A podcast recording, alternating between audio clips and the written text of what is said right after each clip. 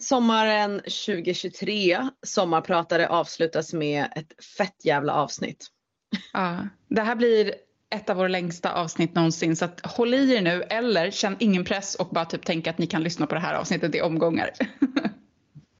Ja, men man får ju se förmödrars makt som någon slags här, äh, minnesbank. Man kan ju gå tillbaka och lyssna på olika avsnitt när man vill och så vidare. Så behöver inte lyssna på sådana här långa avsnitt allt i ett om man tycker att det blir för jobbigt. Men wow vilket avsnitt. Ja, alltså vi har ju verkligen Alltså ämnet vicka är ju någonting som liksom har dykt upp i vår podd sen the very beginning. Det är, liksom, det är också svårt att prata om häxkonst och eh, liksom hedendom utan att prata om vicka. Och, alltså, vi har ju vissa liksom, negativa upplevelser som vi har pratat om tidigare i podden. Och kanske liksom att våra perspektiv inte alltid liksom representerar vicka som helhet såklart. För vi har ju liksom heller aldrig varit riktigt inne i vicka utan vi har ju liksom byggt upp våra fördomar utifrån de erfarenheter mm. vi har. Ja. Och verkligen alltså så att det här blev ju ja, men ett härligt avsnitt för oss att dels kunna ställa alla frågor och dels kunna liksom så här, prata om våra fördomar och få extremt eh, såklart kloka svar som inte alls bekräftade de fördomarna. Eh, men också att se att det verkligen är en rörelse som är i Alltså som är, som är i ständig utveckling, konstant mm. liksom. Väldigt likt det vi håller på med måste jag säga. Mm. Definitivt. Så, ja.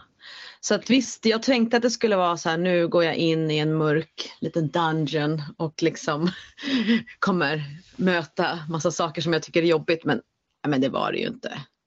Nej, men det var också väldigt spännande. Vi, vi fick lära oss väldigt mycket nytt i de här ja. samtalen. Så det hoppas vi att ni ska få göra också. Ja. Och ni som är vikaner där ute kanske kan få känna upprättelse. ja, precis. Ja, nej men herregud, det är ju dumt att vara svepande om saker. Även om vi ibland har en jargong där vi tycker vi tillåts att kunna vara lite svepande. Men det känns också jättefint att eh, för alla som är nyfikna på Vicka, att få ett ärligt vikanskt avsnitt liksom med extremt erfarna vikaner. För det här är ju faktiskt extremt erfarna människor som är med på podden.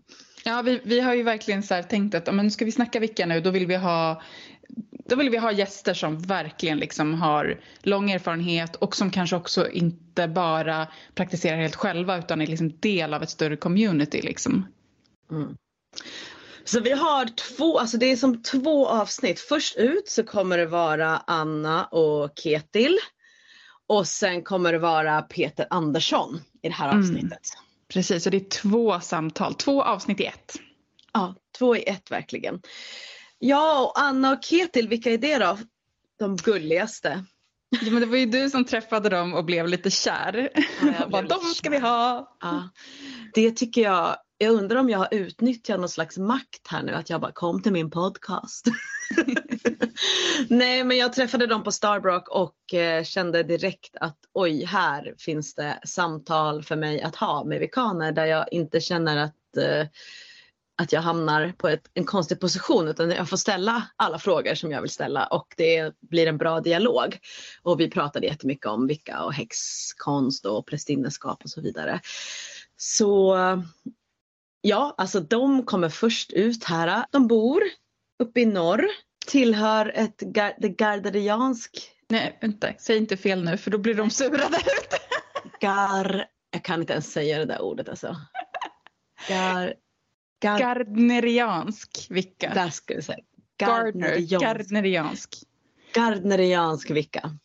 Ja men precis och de, de har ju liksom en gård där de typ verkligen, ja, de håller på med massa så här magiska grejer. Bjuder in folk från olika covens och ja, har ceremonier och liksom mö, som en mötesplats för vikaner och andra pagans. Och de har jobbat med magi, häxkraft, vicka i ja, 30, 20-30 år, alltså väldigt erfarna.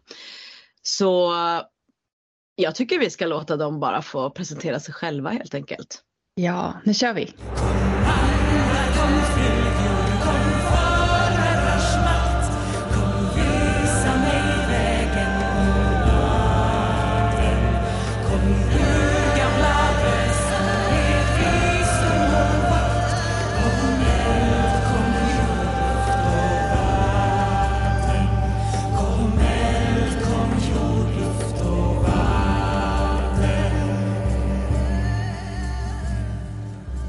Alltså det var ju lite grann så här i mitt liv att jag var på en tillställning i en, i en skog i ett mörkt landskap alldeles ensam utan några vänner och nej inte riktigt så var det men jag var på en stor fest och helt plötsligt så dök eh, liksom dagens gäster upp i min sinnesbild med sina trummor, med sina sång och med sin fantastiska energi.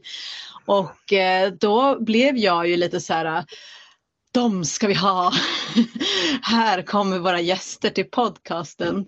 Eh, och eh, nu är ni här, Anna och Ketil. Välkomna! Välkomna. tack och tack. Mm. Tack. Anna, du kanske är ifrån Sverige här, men Ketil, det låter som att du kommer från vårt grannland, stämmer det? Det är helt korrekt. Det är helt jag har bott i Sverige sedan 2005 dock. Så det Ah. blir Men ni bor och, och verkar i Sverige eller? Ja, ja. Vi, vi bor i Värmland, lever på en liten gård som är min för, familjegård, eller föräldrahem från början. Jag har ju försökt komma och hälsa på er här men alltså det, det är ju, ni är ju busy. Det är ju därför ni är här för jag undrar vad fan är det som ni är så jävla busy med hela tiden på den där gården? Ja, det är en hel värld kan man Mm. säga, som vi ska försöka att- närma oss lite grann hoppas vi i det här samtalet. Vicka har ett ursprung från England såklart. Um, kan gott dra lite kort om, om, eh, om ursprunget där. För, för det, kom, det är ju en tradition som blev skapt i den ska vi säga, utvecklingen av, av myllret av olika eh, ska vi säga, mystiska och kulta riktningar som var väldigt aktiva och levande på början av 1900-talet egentligen. Um, och speciellt då genom en, en man som uh, hette Gerald Gardner. Eh, han var egentligen en, en eh, ska vi säga, det som kallas för civil servant i det kolonialska England. Han, eh, han arbetade i Borneo och i Malaysia väldigt mycket i, på te och gummiplantager. Och det tror jag är Ronald Hutton som ser att han i, i motsats till väldigt många andra som, som gjorde detta på den tiden så satt han inte på terrassen och drack gin och tonic. Han, han var ute i, i kulturen och bekantgjorde sig med, med människorna som han jobbade med. Och hade ett väldigt stort intresse för folkloristik, Eh, antropologi och, och också deras eh, religiösa magiska eh, praktik. Då. Eh, Så, så när han pensionerade sig 1936 och kom hem till England så var han redan då väldigt intresserad av de där sakerna. Eh, ska också säga att han hade en bakgrund som frimurare. Eh, lite mer mytisk huruvida han faktiskt hade det eller inte, men han, han påstod det i alla fall. Eh, han påstod en hel del. Han påstod också att han var doktor i antropologi, tror jag det var. Men det finns det heller ingen goda belägg för. Eh, så. Men eh, väl i England så fick han alltså tillgång till något som han tänkte var eh, en häxekultur i det område han bodde i, som då var New Forest-trakterna. Eh, och blev alltså då invigd av ett gäng häxor då, eh, i 1939 eh, var det väl. Uh, och startade hela sitt intresse och sin karriär runt och, och, och sprida eller prata och, och, och, och få fram tankar om vad häxkonst är för någonting genom det. Som man kan säga att han, han var inspirerad av väldigt många olika saker. Till exempel eh, frimureri var en sak. Han var väldigt inspirerad av naturromantik och, och naturreligion. Eh, men inte minst var han väldigt inspirerad av häxkulten som den blev presenterad av framförallt av Margaret Murray. Eh, så. Som är ju idéer som idag, kanske långt tillbaka, inte längre riktigt är eh, ansett som historiskt korrekta, men som ändå gav en slags mytopoetisk bild då, som har levt vidare väldigt närt in i, i Wicca-kulten, eh, tycker jag. Eh, han skrev sin första bok om, om Wicca i, i 1949, en, en roman, för det var innan det ens var okej att prata öppet om att, att man var anhängare av eller till, tillhörde en Wicca-kult. Det var 1951 först The Witchcraft Act försvann så att säga, så, så han kunde presentera det på riktigt då, och då kom hans första bok Witchcraft Today i 54. Och efter det så gjorde han full media eh, eh publicitetsoperationer eh, eh, och gjorde det han kunde för att sprida eh, det glada budskapet om häxkulten. så. Och utifrån det så kom det jättemycket andra personer in i hans liv och det blev ett- etablerat ett stort coven av människor runt honom som också senare blev väldigt stora centrala i, i det här. Då. Så man kan säga att Wicca är en slags paganistisk religion med fokus i naturdyrkan, eh, praktisk utövande av magi, eh, gamla gudar och en idé om en häxkult som då fokuseras runt häxsabbatsidéerna kan man säga. Mm. Ja. Och det här att ni tillhör en gardneriansk eh, tradition. Ja. Vad innebär det då liksom, i förhållande till att det också finns massa andra liksom, traditioner och grenar av Wicca? Liksom, hur, vad är det att vara gardnerian? Ja, det det betyder i, i, sin mest praktiska förstånd är att vi, vi tillhör en, en linje av initierade som vi är en del av som har sin ska vi säga, initiatoriska historik tillbaks till Gardners tid. Då. Genom in, de här initiationerna, eh, de här tre graderna förvaltar eh, den traditionen. Mm. Det är så att eh, när Gardner skapade det här eller konstruerade det här baserat på de här källorna som, som vi pratade lite om så, så har han också etablerat ett korpus av liksom, textmaterial och olika eh, riter och olika kunskap och information som är som en del av detta konceptet då, som har blivit förvaltat och fördelat vidare genom Eh, kandidat via initieringar kan man säga. Och det är det som vi också är en, en, en del i ledet av kan man säga. Vår linje det, det, är ju en, en, eh, nordisk variant kan man väl säga. Alltså vi, vi har fått våran, våra invigningar via Norge och den vilka kultur som har utvecklats där. Eh, och eh, ursprungligen så var det ett eh, brittiskt par som eh, är ganska kända. Eh, som eh, kom över till Norge på 80-talet och eh, invigde en del centrala och ja, viktiga personer egentligen. Och det här var ju på, på slutet av, eh, av 80-talet, början på 90-talet.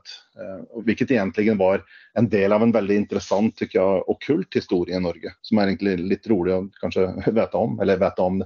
Det kan vara att det här har, varit, har skett många stans. Jag har pratat med flera eh, engelska vänner som säger att den här trenden också fanns eh, till exempel i, i England. Och det var det här med att det fanns många lager av intressen hos, hos den här gruppen. Eh, till exempel så var det så att eh, man hade ju eh, gärna intresse i många olika riktningar när det kom till, till den magiska och ockulta eh, praktiken. Eh, och, ehm, eh, och det definierade egentligen väldigt mycket vad som hände från 90-talet och framåt. Man möttes på, på en hel del gemensamma plattformar och utforskade tillsammans. Som till exempel Eh, det, det, det, du menar nu det är att det var, det var kanske olika andra magiska ordnar som typ ja. OTO och, och Vicka blöttes med varandra och andra magiska ordnar också. Liksom. Ja, och många var också innanför konstfältet. Ja. Så det var en del som hände en del intressanta ting runt festivaler, samlingar och sånt som var mer tvärrokult kan man säga. Uh, och det fanns till och med en, en, eh, en, och det kom först på 2000-talet, tro eller slut på 90-talet, en, en en, eh, något man kallar för tvärrokult salong som var en sån mötpunkt för, för magiskt intresserade personer på tvärs av traditioner. Vilket var väldigt intressant. Uh, ja, I Vicka så var det en, en, central aktör som producerade en hel del böcker som ett Stein Jarving som var väldigt central för, för, för, och inspirationskälla för oss. Då. Mm. Han översatte till exempel Vivian Crowley till norsk. Han uh, gav ut artikelsamlingar om magisk praktik på norsk eh, genom eget förlag. Örtaböcker gav han ut. Men också science fiction-författare och skrev eh, böcker om självhushållning och ekologi och sånt där. Så han var liksom en väldigt sån allkonstnär innanför det här eh, fältet av utforskande. Jo, och det här med framtid, framtidsscenarier, alltså hoppet för, för världen. Mm. väldigt mycket grön, den grön, gröna grön framtid. framtiden. Liksom. Ja. Mm. Och det gjorde att, och det är från den kulturen som, som jag kommer i alla fall då och var liksom en del av den och upptäckte vilka i det miljöet kan man säga. Mm. Och även asatro hade ju en väldigt stor väldigt. Eh, plats mm. och liksom inflytande i den, hela den miljön. Det var rätt och intressant. Nordisk trolldomskonst och liksom folkmagi, folktro var ju också viktig. Mm. Så, ja, det var en, en rik miljö. Så man kan säga att den, den delen av Vicka som, som manifesterat sig väldigt starkt i Norge idag var ju en, en vidareföring från den engelska varianten av av gandriansk artad vicka som fick sin färg och ton genom den här miljön mycket. Mm. Eh, då den är ju inte så stark i Sverige, den, den gandrianska miljön kan man säga. Här har man en annan typ av vicka-tradition som jag inte ska säga någonting om egentligen, för jag kan inte så mycket om den. Nej men det jag skulle vilja säga i det, det är ju att det som kanske kännetecknar just vår take på gardniansk vicka, det är att den är väldigt färgad av hela det där eh, bre, alltså den här acceptansen och nyfikenheten för en mängd olika typer av uttryck, olika sätt att utöva eh, konst genom eh, genom magi, konst genom ja, men ett experimenterande av eh, alla olika uttryck. Eh, någonting som är, som jag upplever rent eteriskt i förhållande till de olika uttryck som jag har stött på inom gardniansk vecka, att det är väldigt inspirerat från naturen. Att naturen och upplevelsen av det vilda går igen liksom, i många av de olika koven som jag har cirklat med.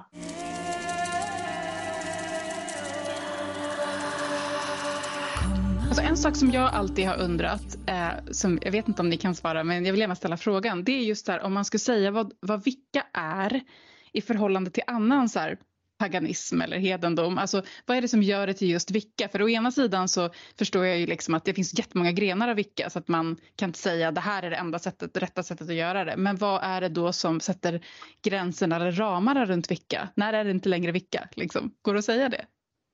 Mm. Mm, alltså jag skulle ju säga att idag är det svårt att, att säga att det här är vicka och det här är inte vicka. Eh, och att det är väldigt individuellt. Även inom de initiatoriska linjerna. Eh, det, det, jag, jag, tänker så här att man kan prata om vilka på två väldigt olika, eller hu, två huvudgrenar. Liksom. En som är den solitära eh, Scott Cunningham-grenen eh, liksom, med, med många människor som utövar och utforskar på sitt sätt. Och sen så en som har med de initiatoriska traditionerna att göra. Mm. Och, eh, och efter, alltså, men efter alla år när vi har pratat med många människor som är äldre än oss och som har varit i, i eh, kulten ännu mycket längre än oss, de har ju sin personliga och individuella idé om vad vilka är och väldigt starka åsikter också många gånger. Eh, så, men samtidigt så vill vi nog vara lite försiktiga med att säga att vi ska definiera det för att det, det, det känns inte respektfullt egentligen utifrån hur också hela den här traditionen har utvecklats och blivit så stor som den är idag det sitter ju säkert jättemånga solitärer, alltså för de som inte vet vad det betyder så betyder det att man praktiserar ensam, liksom, eh, inte i något coven eller så. Jag tänker att det är säkert jättemånga solitärer som lyssnar och att så här, eh, är det är liksom att känna att sin praktik är lika valid liksom. Ja men absolut. För det skulle jag, då skulle jag verkligen vilja säga att oavsett var man kommer ifrån och vilken väg eh, som har lagts framför en eller vilken stig man finner i det här virvaret av, av härlig magi. Så det är faktiskt så att det jag själv lägger i, mitt, i min praktik, i mitt utövande, det är det som ger liv till det. Det är det som ger den kraft. Så jag menar, där är vi olika. Vi kommer till vilka och genom vilka på olika sätt. Och mm. eh, den, den egna passionen, den egna nyfikenheten och drivkraften är ju det som gör det meningsfullt. Absolut. Nu känner jag att jag vill ha lite kropp här. Nu, nu, nu är det mycket förklarande här och oxen i mig känner så här, men vad gör ni då? Alltså, vad är, vad, vad, hur ser er praktik ut då? Utifrån mm. det ni just har berättat. Eh, högtider, ritualer? Ja, eller? Mm. precis. Alltså vi praktiserar ju de åtta eh, sabbatarna på årshjulet. Um, vi eh, gör ju också S-batter på så många månar vi kan hitta. Eh, ibland är det mörkermåne, halvmåne, fullmåne. Um, så vi följer ju årshjulet och det cykliska eh, tänkandet, det, det, det, cyklerna eh, i allra högsta grad. Um, och så som vi, om vi bara rent lite så övergripande pratar om det till att börja med, så har ju vi, vi har ett koven, men vi har också väldigt eh, varma och nära relationer med många andra covens och grupper, inte bara i Sverige utan internationellt. Och vi träffas väldigt regelbundet, även i den större communityn. Liksom. Um, så vi, ja, vi delar initiationer, vi delar magiska resor. Um, upplevelser och firanden med, inte bara här hemma med, med mig och Ketil utan också med många andra. Mm. Mm. Och då följer ni, eh, alltså har ni liksom då gjort något, eh, så som jag och Eldin ofta pratar om i podcasten, så vi blandar ju liksom nordiska uttryck och, och keltiska uttryck, typ att vi kan säga Alba, Blot och Soein och sådär. Eller säger ni de vikanska namnen på högtiderna? Vi, vi gör nog lite av varje tror jag, men eh, om du pratar vad gandrianer gör så är det nog de traditionella namnen eh, som ofta framkommer. Men det är så att eh, jag tänker ofta att det är en väldigt levande tradition som, som, eh, som hela tiden är i förändring och i möte med de som utövar den. Så är det ju som konstant i det här. Eh, och det, det, är lite det som eh, det här ska vi säga, mm, som är lite mm, speciellt med det här, ska vi, att vi pratar om initiatoriska linjer, hör som det ser lite förklarande ut.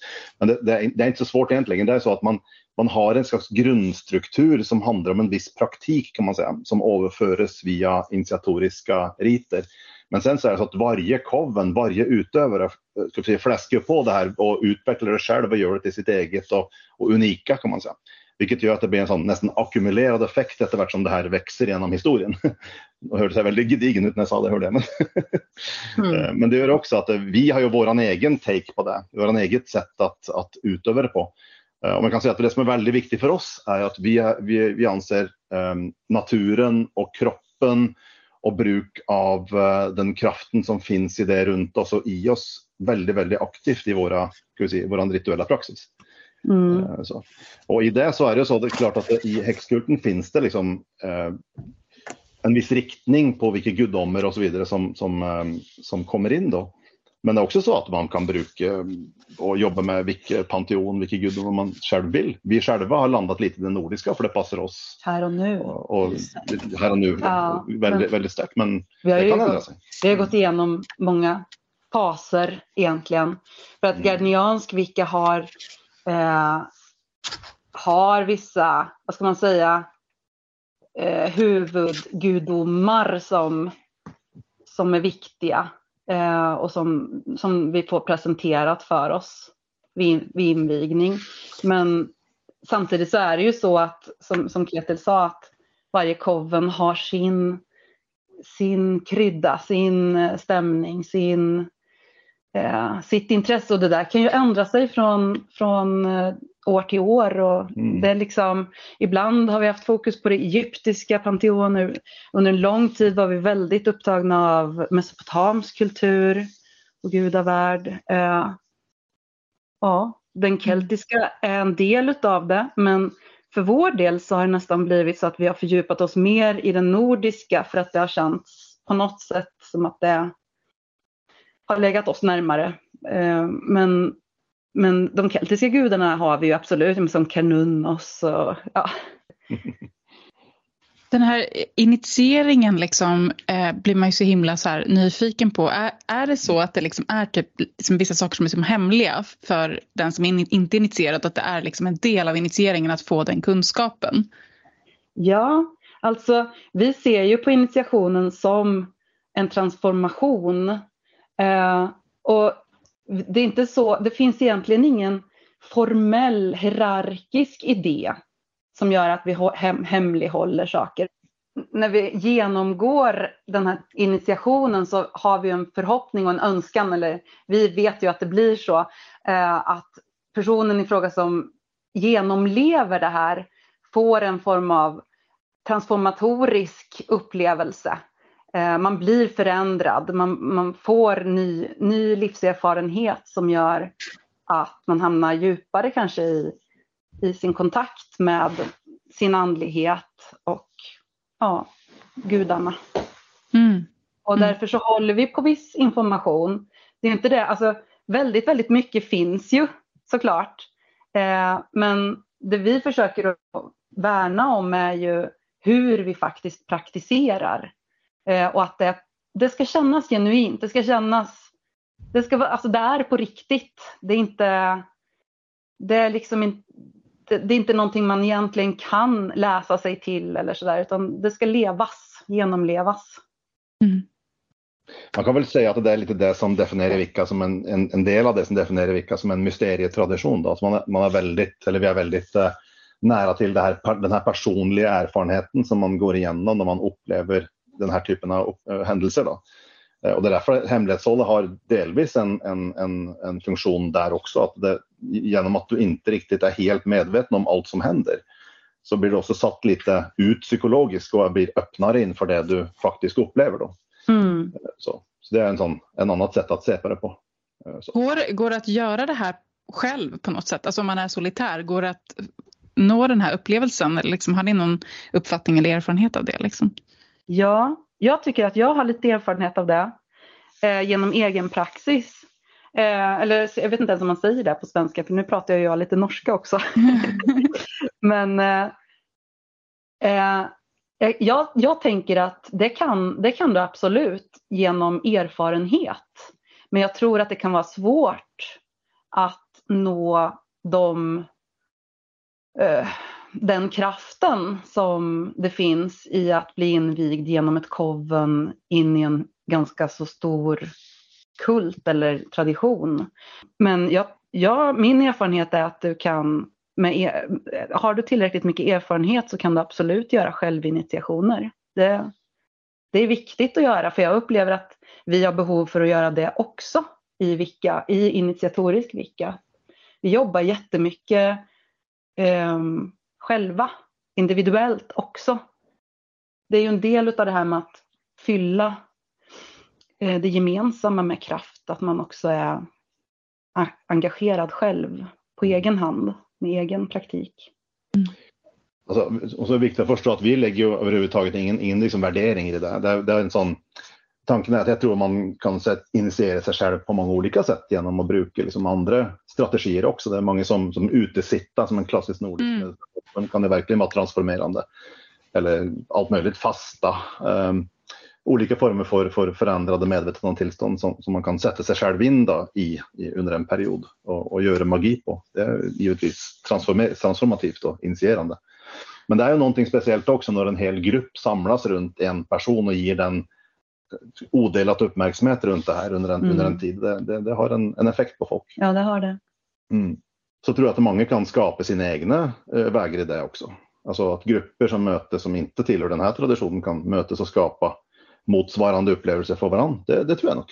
Mm. Det är inget hinder i det. Men det vi kan någonting om är det, det vi håller på med. Kan man säga. Ja.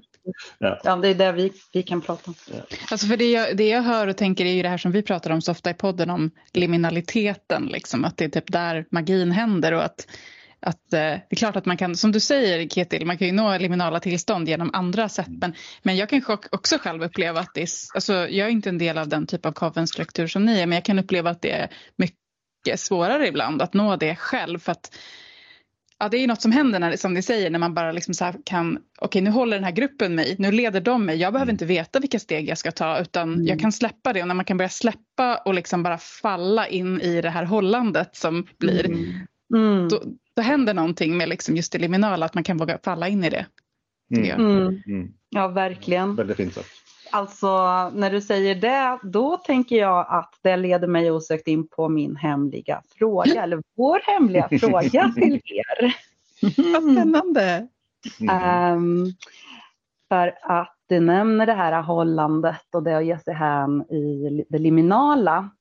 Um, då tänker vi så här, vad är det som drar just dig till gränslandet?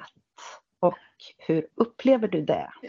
Jag kan ibland känna att jag inte har något annat val i mitt liv för om jag ska kunna leva. Eh, så är det liksom dit eh, som min naturliga tyngdpunkt landar. Eh, alltså jag har ju haft men alltså, du vet, alltså, sinnesutvidgande upplevelser vid sex eller sinnesutvidgande upplevelser när man går i skogen och tittar in i träden och har liksom dras till gränsland. Liksom. Om när jag var liten kanske det var mer liksom, fantasi. Liksom. Och sen var jag tonåring och tänkte att jag visst skulle gifta mig med Johnny Depp och att vi skulle bo i, i, i hans hus i, i, USA. Men liksom på något sätt så är det de här gränsgrejerna att jag alltid varit på väg dit. Så att jag tänker när det kommer till ceremoni och sånt så är det som att så här, det är som att jag bara faller så mjukt och landar där direkt för att jag vill Mm. det. Mm. Jag Mm. vill det och känna mig absolut mest sedd, mest trygg, mest hållen och totalt också ibland eh, bitch-slappad för att det kanske kan behövas och det är okej liksom. Eh, så inte bitch-slappad av någon utan av det som jag ser och möter. Mm. Jag fattar precis. det är nog, Gud vad underbart. Mm. Det är många som kommer till Vicka som det nästan, kan nästan låta lite som en kliché, liksom att de säger ja men det känns som att komma hem. Mm. Jag vet inte, det är lite det, är lite det jag hör också i det du beskriver. Mm. Eh, och att just det där rummet, den där platsen, eh, att det är det som, som är attraktionen kanske, eller som också är hemmet, och båda delarna. Ja, att slippa ha konturer. Mm. Mm. Ja, just det. Vi Mm. brukar ju säga i, i vår, alltså, mellan oss i alla fall att, att den cirkeln vi upprättar när vi, när vi mötes är emellan världarna. Brukar ni samma språket kanske också? Ja, Vi upprättar inte riktigt en cirkel på det Nej. sättet. Det är Nej. spännande. Där har vi kanske en skillnad. Ja, det är möjligt. Ja. Ja. Just det. Ja. Men det stället vi öppnar när vi gör eh, utövar en praktik är ofta, kallar vi för att är emellan världarna och det är det som blir en slags liminalfält som man är i kan man säga, som är Mm. lite utanför tid och rum eh, i den stunden. Precis. Och samtidigt extremt här och nu. Mm. Många gånger, vi, i och med att vi träffas och kommer resande från väldigt långt håll, många gånger internationellt, liksom, långt bort ifrån, eh, då blir det ju att vi träffas kanske en hel helg och slår cirkel och så lever vi i cirkeln hela helgen tills vi måste liksom med tårar i ögonen separera från varandra. Eh, och då blir den där cirkeln, gränslandet, det, det, vi får liksom möjligheten att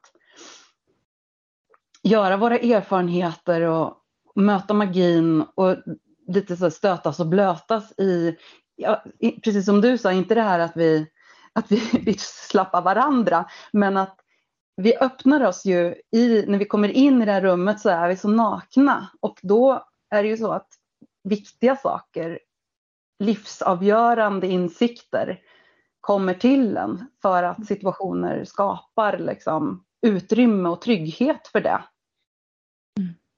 Mm. Jag skulle när du säger så så tror jag nog ändå att det som vi kanske är motsvarigheten är väl att vi säger att vi är i ceremoni. Eller vad säger du Eldin? Alltså att vi är i ceremoni och då kan vi vara i ceremoni i en timme eller man kan vara i ceremoni flera, eh, flera liksom dagar beroende på vad det är som händer. Mm. Men då, Mm. det är ju sådana grejer då att man är utomhus och inte fryser fast det är kallt. Mm. Eller Mm. plötsligt så kan ett minne komma upp till ytan som ingen Mm. har tänkt på på 25 år.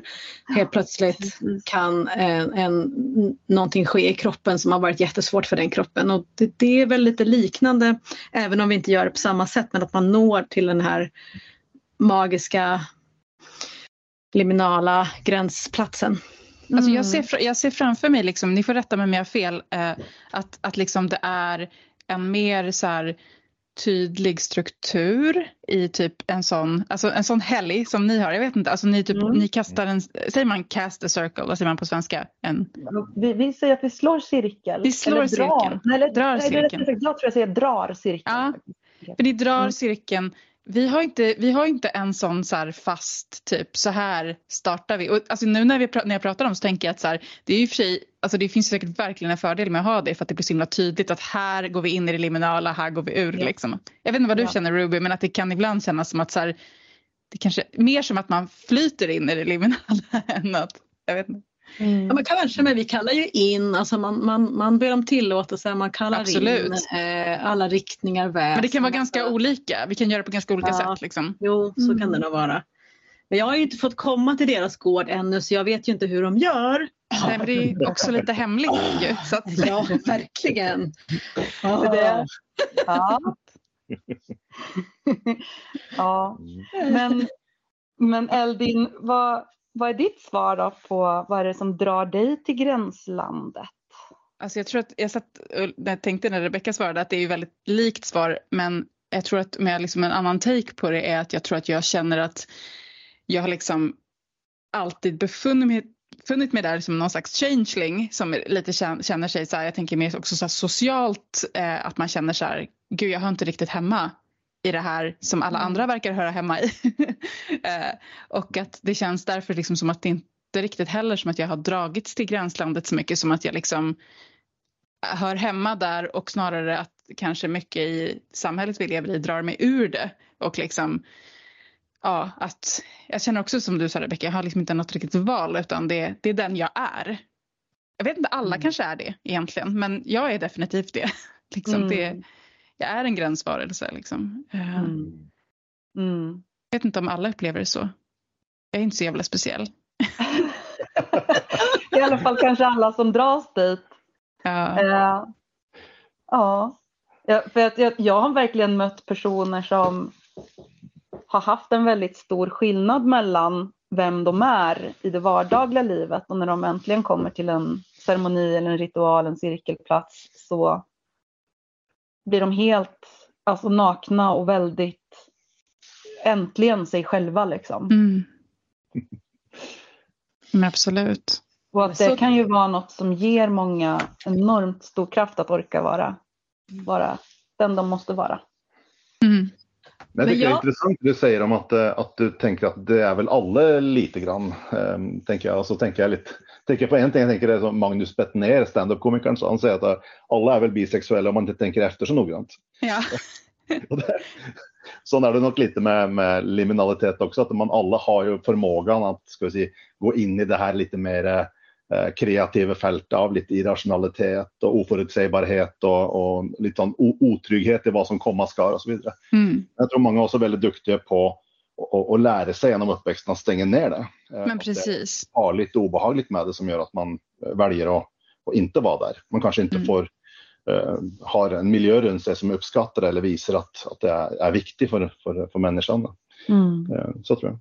Så därför tänker jag att i, inom häxkonst, magi så är nästan det här med, med konst och kulturuttryck och musik och du vet, allt detta är också liminalfält tycker jag, som är ja. lika viktigt som att typ, studera teori mm. eller göra ting. Alltså, så det kreativa fältet är en stor del av häxkonsten som vi eh, praktiserar den. Absolut. Mm. Så det betyder att också att de, de, din rituella praxis är också hela tiden i, i, i möte med det här kreativa fältet. Mm. Så, så, när du säger att det är en, kanske mer fast struktur, jo, det kan tänkas att vi har en ganska så tydlighet kring viss typ av praktik. Eh, det var lite som det du sa eh, Anna för, för, eh, för lite sen att, att vi, har, vi, kan, vi kan känna igen varandra eh, som, som utöver det här genom vad vi gör. Men vi lägger väldigt lite, eh, eller vi, vi har inga synpunkter på hur folk tolkar och tänker sina upplevelser för det är väldigt personligt. Mm. Och därför kan man säga att det där egentligen större skillnad mellan olika coven som hur de väljer att utöva sin häxkonst än det är mellan olika ska vi säga, initiatoriska traditioner nästan. Mm. Um, ja, eller i varje fall uh, lika stor skillnad. Ja, det, det, tycker jag faktiskt. Skulle man kunna säga. Uh, och, mm. um, uh, och den här delen med coven-autonomi, att det vart coven har en slags råderätt över sin egen praktik.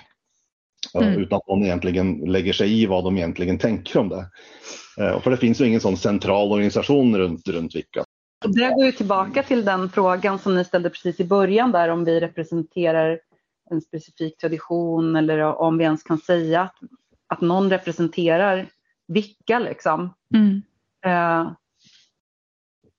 det är ju som att de här formlerna som, som skapar cirkelrummet eller ceremonin som ni kallar det för eh, hjälper oss att känna igen.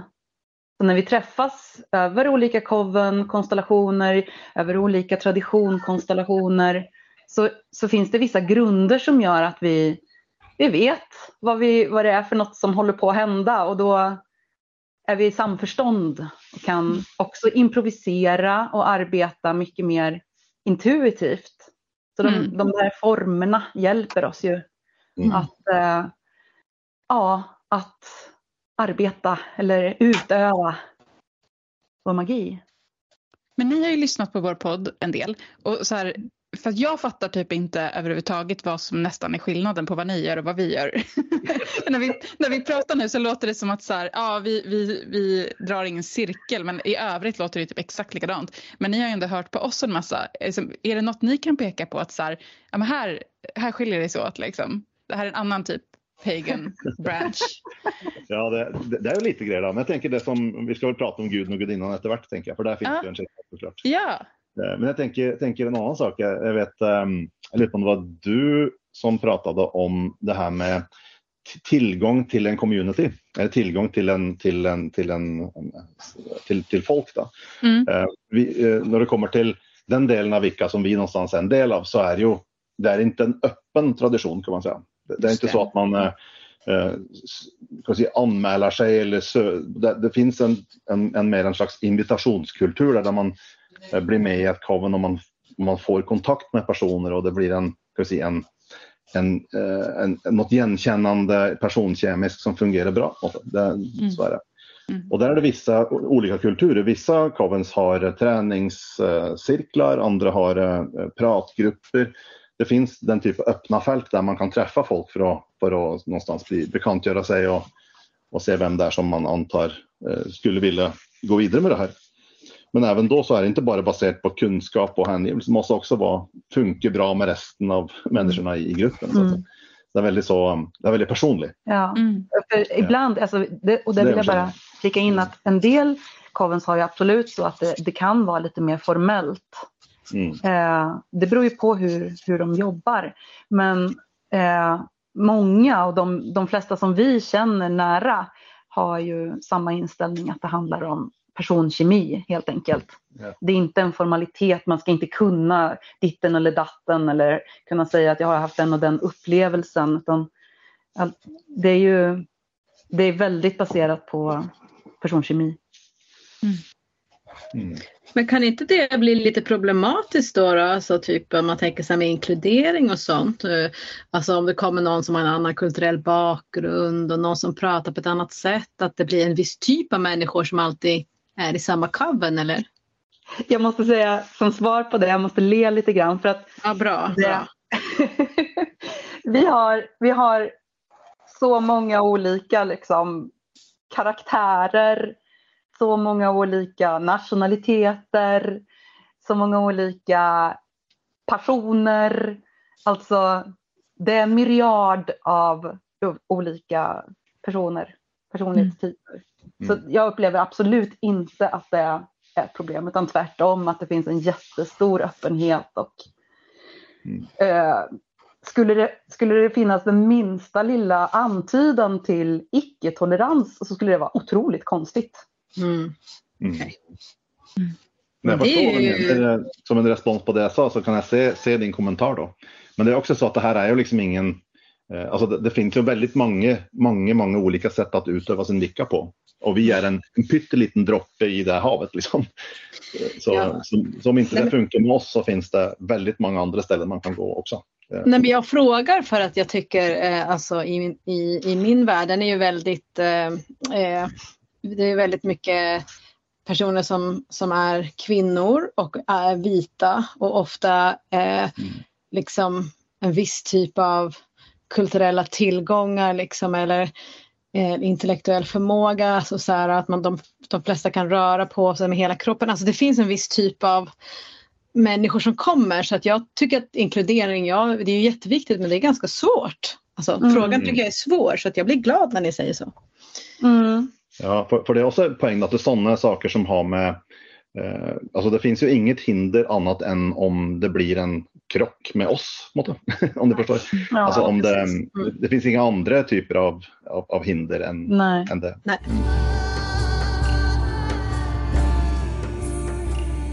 Men du Ketil, du sa ju något spännande där eh, när jag, när jag frågade om skillnaden. Jag sa du där, Gud, gudinna. Och, och så, mm. Ska vi gå in på det? Vi tar den. det måste vi, det måste vi. Ja, ja. vi har pratat om det i tidigare avsnitt. Kan, om det är några lyssnare som inte har hört det. Så jag, jag var ju på väg lite grann in i ett, ett coven, ett vikanskt coven. Och eh, det föll för mig på hur, hur de såg på guden och gudinnan i det covenant. Och jag, jag är ju medveten om att de inte representerar hela Vicka, liksom, precis som vi pratar om hela tiden nu. Liksom. Eh, för att jag upplevde att det var väldigt så här, könspolärt, liksom, att man upplevde att så här, manligt och kvinnligt är komplementära krafter. Eh, som, ja, liksom att det fanns en sån, ja, lite heteronorm också, att det tog sig uttryck liksom, i det. Mm. Eh, och vi, då, då är jag jättenyfiken på hur, hur liksom ni förhåller er. För jag har ju mött också folk som säger att, ha, att liksom, har man inte guden och gudinnan på det sättet då är det inte vicka. Det är en av de saker Oj. som definierar vicka. Ja, just det. Sådär. Ja. Mm. ja, vi kan säkert svara bägge två lite på olika sätt där igen. Mm. Eh, alltså, och det vi, för vi har verkligen också, vi har ju såklart tänkt en hel del efter, efter att vi har hört på era, era, de avsnitt som handlar lite om det. Ehm, men vi har, vi har också tänkt att det är en sak hur vilka presenteras i litteratur och i, ja men kanske också i intervjuer och på olika sätt. Eh, I det liksom som finns i det mainstream, liksom, ja, att tillgå på vanliga sätt. Eh, men så är det en helt annan sak vad som faktiskt praktiseras. Mm. Eh, och det eh, upplever vi någonting väldigt annorlunda än det som kanske är den generella bilden av hur vilka eh, ja, ska vara. Enligt vem, men ja, om ni förstår vad jag menar. Mm. Så vi försöker istället att fokusera på ja, men, vad, vad gör vi? Liksom? Vad är vår, hur ser vår praktik ut egentligen? När det kommer till det. Då är vi otroligt experimentella. Vi låter ju den som vill utöva en specifik gud, gudom göra det. Liksom. Mm. Så det, det är väldigt fritt på det sättet. Kan det liksom finnas så här, typ olika så här, politism, eh, typ eh, panteism, alltså kan det finnas liksom olika sätt att se på det i liksom ett samma coven eller är det? Oh ja. Mm. Det, det, som är, det som är lite grejt att tänka på, som jag, liksom jag sa i i början också, att det är en, det är en väldigt sån, ska vi säga, en, definieras väldigt utav, utav sin, sin praktik och inte så mycket utav vad folk tänker och tycker om ting. Mm. Eh, så, men det som, som det jag antar att du tänker på den här traditionella bilden att det finns en, en häxgud, det finns en häxgudinna. Häxguden definierar någon typ av eh, manlighetsideal eller manlighetsessens medan gudinnan någonstans vänder sig mot det kvinnliga på samma sätt och att det är en polaritet dem emellan som skapar någon typ av attraktionskraft på ett heteronormativt sätt som Mm. handlar om, som handlar om eh, eh, typ skapningen av nytt liv och fruktbarhet i en mer biologisk förstånd och sånt. Eh, så. Eh, Och, det, och jag kan tänka mig att det finns i, i, eh, i vilka traditionen som, som tänker så. Det, Ja. det gör det. Ja, det, det kan vi säga Mm. att det är klart att det gör det. Ja. Och det är för att det, om man tittar på vår historik så är det så att vi, en del av vårt arv som vi tar med oss eh, in i vår praktik är ju det att, det att man har tagit utgångspunkt i den idén om häxsabbaten då, alltså häxkulten, häxreligionen, som handlar om dyrkan av en behornad gud och en jord och mångudinna. Mm. Ofta namngivet som Pan Cernunnos eller Diana Artemis eh, Aradia. Sant? Eh, och att de, de blir någon slags ska vi säga, eh, skyddsgudommer för hela Vikakulten. Och så kan man tänka, vad, vad betyder det egentligen och hur ska vi nå tolka det? Um, och jag tror att många, många tänker lite som att, eh, att man försöker väva in väldigt mycket typ av det Jag tror ni pratade om det också, det här med mjuk politism i det, att man tänker att de representerar eh, flera gudomar eller gudar i sig som en enhet runt Mm. en, ett knippe med olika gudar kan man säga. Och så tror jag också någon, många ser på det. Ehm, och så finns det någon som ser mera, ska säga, lite mer eh, eh, säga, narrativt på det, att det finns en, en, en idé om häxguden som har vissa ting knutet an till sig som handlar om häxabatt men också en hel del om fiktionen om häxeguden. Sant? Gärna knyttat till, till eh, dyrkan runt häxprocesserna utifrån ett fiktionellt sätt, inte bara ett historiskt sätt om man säger. Mm. Ehm, och som också har det mer som en slags specifika entiteter som man förhåller sig till. Eh, och, och som vi ser det så är det definitivt eh, många olika sätt att se det det här på. Men det som jag tycker är viktigt att påtala är att vi lägger ju ingenting eh, att, i det att det ska vara någon typ av ideal om vad det vill säga att vara man eller kvinna i Eller vi- essens ja. eh, runt det här. Så det är Nej. fullständigt inkluderande för transpersoner, bisexuella, whatever. Liksom det, det handlar den, den totala mänskliga erfarenheten tycker jag försöker att ta oss upp i de här gudomsbilderna. Mm. Och vi lever ut det väldigt på ett fritt sätt kan man säga. Mm. Jag läste Witchcraft Today eh, för några månader sedan och så var det här saker som att liksom, man ska helst vara ett par, man ska, alltså en, en male and a female och att, eh, att liksom det är så här, magi uppstår mellan det, liksom, annars Mm. blir det inget bra. Mm. Eh, och ja, det står ju också om att så här, eh, Knight Templars hade worked magic man with man och då hade det blivit så här, det var en synd typ. Ja. Men, Ja, och det känns som att det går så mycket emot liksom, allt annat som känns så himla så här, fritt och liminalt. Ja, det är liksom. jätte, men det är ju jätte ett barn av sin tid liksom. Och det är klart att det har varit med och färgat och påverkat hur vilka har utövats långt in i, i de- dessa tider. Men det händer ju någonting i, i det att vi är nya generationer som också tar vid och praktiserar och lägger till vårt Mm. till hur det här utövandet ska se ut. Och i det så är vi ju friare kanske, som tur är, än vad folk fick vara på 50-talet. Mm. Ja men alltså jag tänker också så att eh, jag, när jag träffade er så var det ju exakt det här jag kände. Att så här, basically med mina egna ord, inte era ord, you were fucking chill about this. Och det tyckte jag var jätte, jätteskönt. Och jag, och jag också har ju eh, upplevt att det alltid har Alltså det är ju inget fel med att saker och ting är mystiska eller mytiska eller att man ska initieras, att det inte avslöjas. Det behöver inte vara folkligt. Men just det där att ibland inom Vicka och hos människor som är vikaner har jag känt lite en hierarki eller en förmerkänsla och att det är så eller så. Och ni var ju liksom tvärtom och jag bara så här Goddess, tack så jättemycket för att. Eh, för att jag tycker att det var så skönt för att, så här, att jag tycker ni kan bevara, ni, ni håller och äger och bevarar traditionen och mystiken men det finns ett samtal där man inte känner så här eh, kul, tack och hej, jag sätter mig lite längre bort. Något av de senaste avsnitten som jag hörde när ni pratade om upplevelsen av gudinnan. Just det. Då satt jag där och höll med så himla mycket för att det är precis så vi upplever det också att det här är ju ett evigt undersökande. Mm. Mm. Om, om det inte får lov att finnas all den där pa- passionerade nyfikenheten och undersökningen, vad är det då? Ja. ja, vad är det då? Mm. Då, är det no, då blir det så här äh, budord. mm.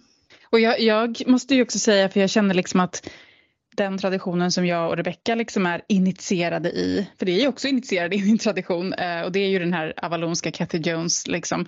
Det, det finns ju jättemycket så här heteronormativitet och liksom eh, så här, mm, ja, cis-feministisk, alltså så här, den typen av liksom som inte alls vi står för heller. Så att jag tänker att det är väl det, liksom, det är ju så, precis som ni säger med alla sådana här traditioner, att, att vi utvecklar. Jag tycker att det ändå det, det dras ju lite i en viss riktning kan man säga när det kommer till bruk av de här entiteterna som har utgångspunkt i liksom häxsabatten. Då.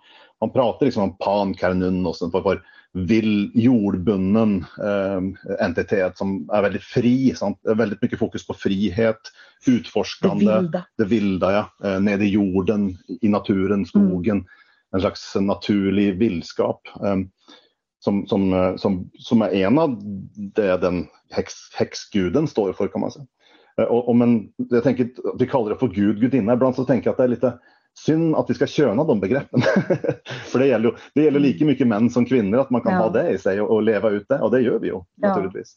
Och likaväl med, med gudinnan i det här aspektet då, som har med den liksom, trefaldige månfaserna med jordbundenhet och som det här är moderperspektiv och sånt. Det Ja. är ju lika, lika mycket Och Aradia som Vicent, liksom, nu kommer och för sig hennes historia från en väldigt heteronormativ och patriarkal eh, bakgrund, men hennes essens är ju att hon blir sänd till jorden för att lära människorna häxkonst. Hon är rebell, hon är vandrare, hon är fri. Hon, ja, hon är liksom Mm. verkligen en... en eh, Tänk från, från Leland. ja, Just det, ja, ja, precis. Mitt favoritcitat från den boken förresten är en, en bön till Aradia eh, som går så här. Um, uh, och dear Aradia, help me to poison my masters. Det är lite som ditt favoritcitat Eldin. Ja, Masters Tools. Ja. Nej, men jag, jag älskar faktiskt Lilands Aradi. Jag tycker den är så här, den, den är liksom, just det här som ni pratade om att liksom, ibland så behöver man inte ens bli, gå så teologiskt in i någonting utan man kan ta till sig det på ett estetiskt sätt och bara njuta av poesin liksom, eller så här, att ja, dras in i den magin. Ja. Men om man ser de här två entiteterna som en slags eh, eh, ska säga, symbolik för vad, vad häxkonst är så kommer man ju fram till någon typ av väldigt naturbunden, fri person som, som också är, inte är så villig att underlägga sig auktoriteter. Och därav heller inte, är det inte så mycket rum för som ortodoxi i det här. För att det är väldigt upp till den enskildes fria utfållande. Men vi har ändå ärvt en, en, en, en korpus av material och en rad riter som vi någonstans är förvaltare utav. Men som också har blivit utvidgad och utbyggd och ny, nyskapad. Det är ju ingenting egentligen som är borttaget. Det är bara att vi har lagt till och lagt till och lagt till och lagt till. Och därför har vi väldigt mycket mer att utgå ifrån. Liksom. Och därför blir också nyanseringen och ja, eh, uttrycken väldigt mycket rikare. Mm. Utifrån ert perspektiv och er syn på vilka nu i Sverige och kanske i, i världen, men det kan ni få välja hur ni vill uttala er. Men vad är liksom den största skuggsidan eller problematiken som ni upplever just nu? Men jag vill säga att en em, debatt i många år på sätt, där man har sett att man har dratt det lite olika håll. Så det, det tror jag. Mm. Em, och personligen så, så har ju vi tagit ställning åt det ska säga, frihetliga hållet här och nyskapande, utvecklande, inkluderande hållet. Mm. Det finns ju som sagt fortfarande många som tänker lite mer traditionellt där. Jag vet i, em, och det är väldigt olika också hur ting är i Europa mot vad, hur det ser ut i till exempel USA. USA är, det, där är det mycket, det är mycket mer folk för det första och de knyter sig an till de här traditionella idéerna mycket mer där är mitt Mm. intryck. Mm. Um, så där kan man säga att där har man ju till och med eh, pratat om det man kallar för traditionell gandriansk vicka. Som då till exempel inte accepterar eh, transsexualitet som en del av sin, sin praktik. Eh, och det är nog en skuggsida som jag Ja, tycker är är, eh, är värt att eh, eh, krångla med. Alltså. Mm. Så. Jo, precis. Mm. Men det, är- där- det, det är inte, ingen intryck att det är en stor sak i Europa, men i USA så är det, eh, har jag hört flera eh, aktörer prata om det. Mm. Mm. På typ podder och, och på webben. Det är nog en sån som du är inne på där. Det är Mm. en viktig skuggsida som man, som man måste ta tag i. Mm. Och, det, och det är som ni, när ni pratar om gudinnan också, vi måste vara villiga till att granska kritiskt vår egen tradition. Och det, Ja. det, det tycker jag är avgörande för att den ska liksom växa. Mm. Jag tänker att folk kanske också tar ställning på olika sätt. Att det, en del är skapta för att stå på barrikaderna och, och kämpa och liksom tala om eh, sina åsikter. Och andra kanske gör det bara i stillhet. Liksom. Jag, jag, vet, jag vet vem jag är i det, i den, eh, i det fältet. Eh, men skulle jag liksom stå öga mot öga med någon som jag är väldigt oenig med så skulle jag ju såklart tala om va- vart jag står. Liksom. Mm. Och stå för det. För det är viktigt känner jag i sådana här samtal och i sådana debatter att, att eh, det inte bara blir en röst eller liksom en tendens som lyfts fram. Mm. Nej. Och för att konkludera det, så är, är det någonting man kan säga om, om, eh, om häxkonst i sig så tycker jag att det är, en, det är väldigt queer. Då. Alltså, häxeri är väldigt queert.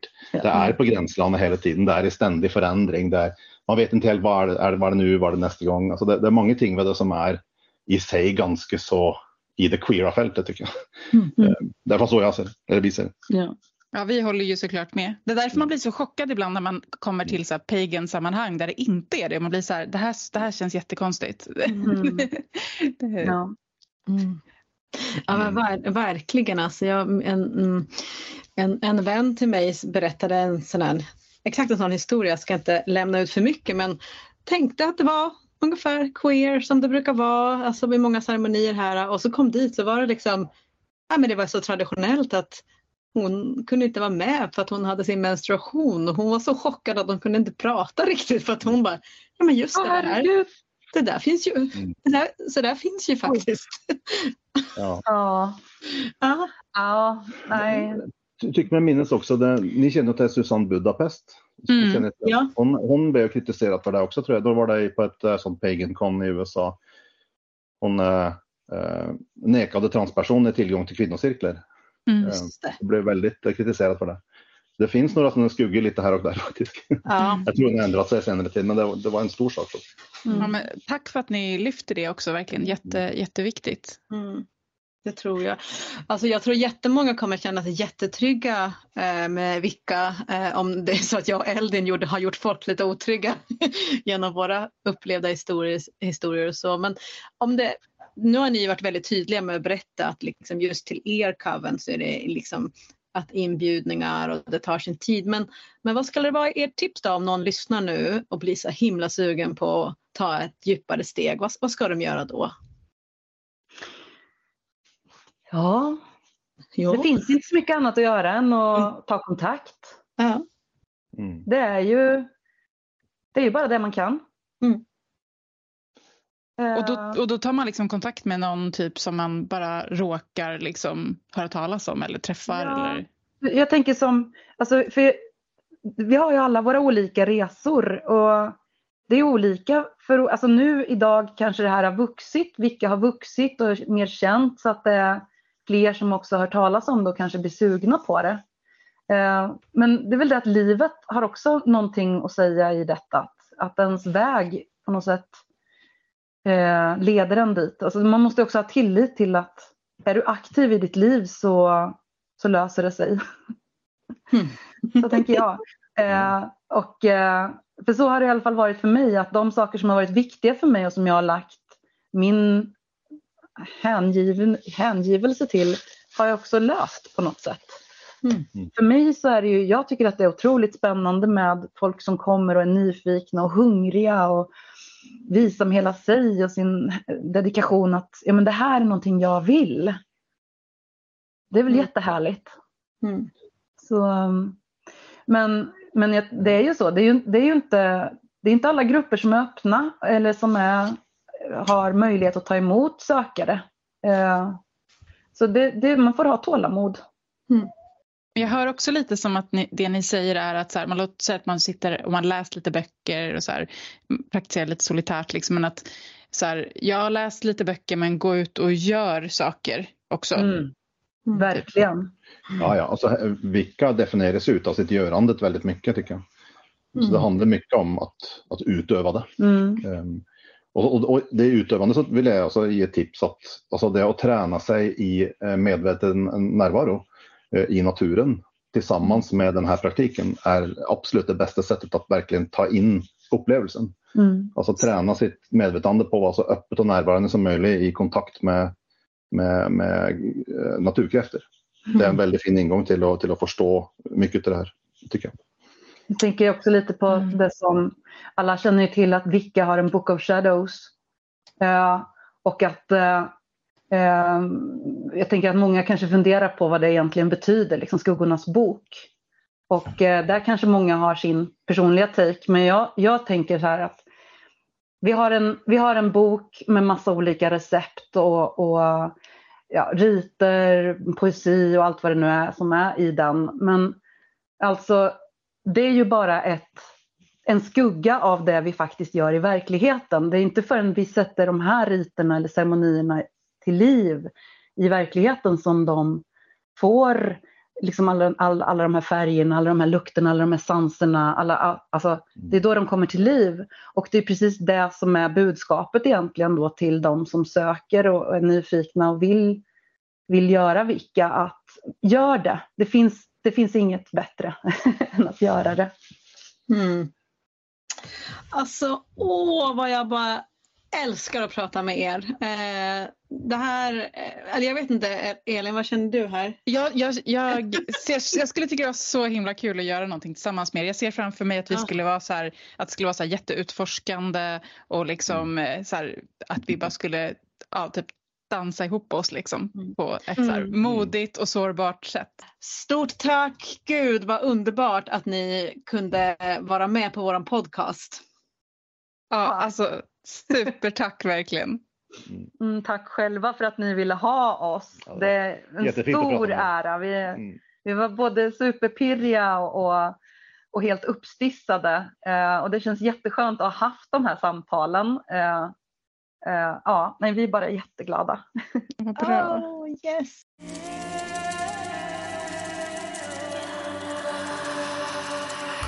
Ja du Rebecka, det där var ju ett jäkligt härligt samtal. Men när vi hade liksom avslutat så kom ju Ketil och Anna till oss och bara vi vill säga mer. Och vi bara, vi vill höra mer. Ja, och de kände så här att de vill berätta ännu mer om mer så här konkret vad de gör. Och det är ju någonting vi alltid är intresserade av och tänker att ni också är. Så på Patreon nu så finns det eh, ett eh, väldigt härligt extra material där de berättar vad de faktiskt gör för er som är nyfikna på praktiken. Så nu blir det juicy och konkret på Patreon. Mm. Och nästa gäst har ju också en riktigt härlig Patreon-erbjudande. Mm. Mhm.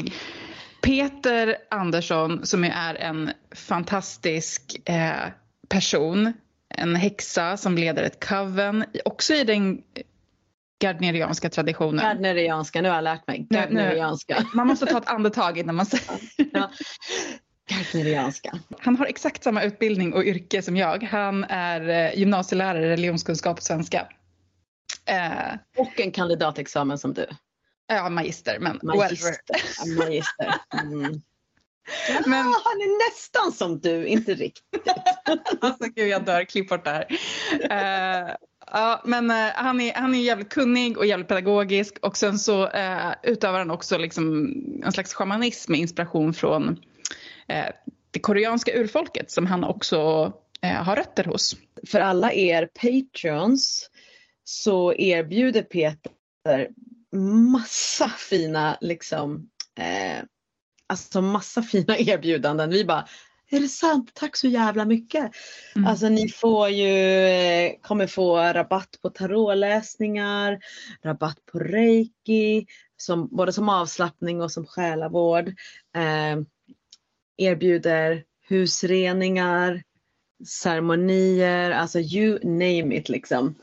Mm. Så att allt det här vad ni får av honom, ni som är Patreon, eh, det kommer vi att skriva på Patreon så att ni ser det. Men alltså verkligen alltså hands-on behandlingar. Mm. Ja men verkligen. Så ja, men ni får ju känna efter här när ni hör avsnittet. Men alltså jag, jag har fallit hårt för Peter och skulle gärna vilja göra de här grejerna med honom. Och en, en stor anledning till att jag var så jävla taggad på att ha med Peter i det här avsnittet. Det är ju att Peter är icke-binär, precis som jag. Och då kände jag liksom att en stor anledning till att jag har varit, haft lite problem med Vicka har ju varit liksom den här könspolariteten som framförallt i de äldre eh, verken om Vicka poängteras väldigt hårt. Och då kände jag bara så här, amazing! Nu har vi en icke-binär person här som kan berätta hur han har fått ihop, fått ihop det här. Mm. Och det har han ju verkligen, alltså fått ihop det. Ja, och Ja. en massa andra saker i Vicka också. Så ja, nu får vi bara luta oss tillbaka och höra på ett till avsnitt i avsnittet om Vicka Go. med Peter Andersson. Go, go, go!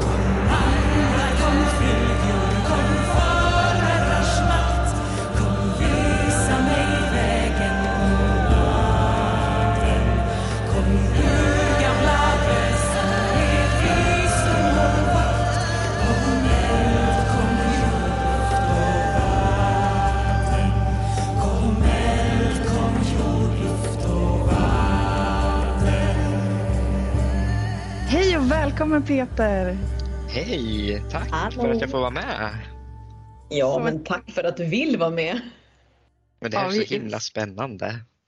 Vi är så nyfikna på att höra vad du ska berätta och få fråga dig massa saker om Vicka och kanske även andra saker, vem vet?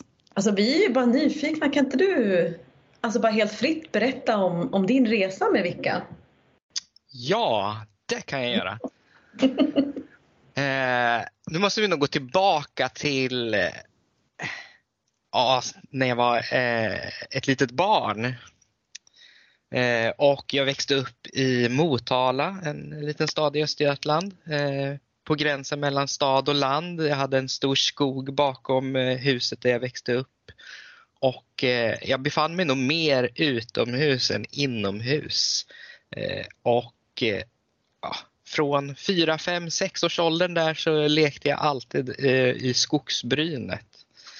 Eh, och eh, ja, tyckte mig väl se, eh, om man tänker idag så tänker man väl, ja men det var väl ett barns fantasier.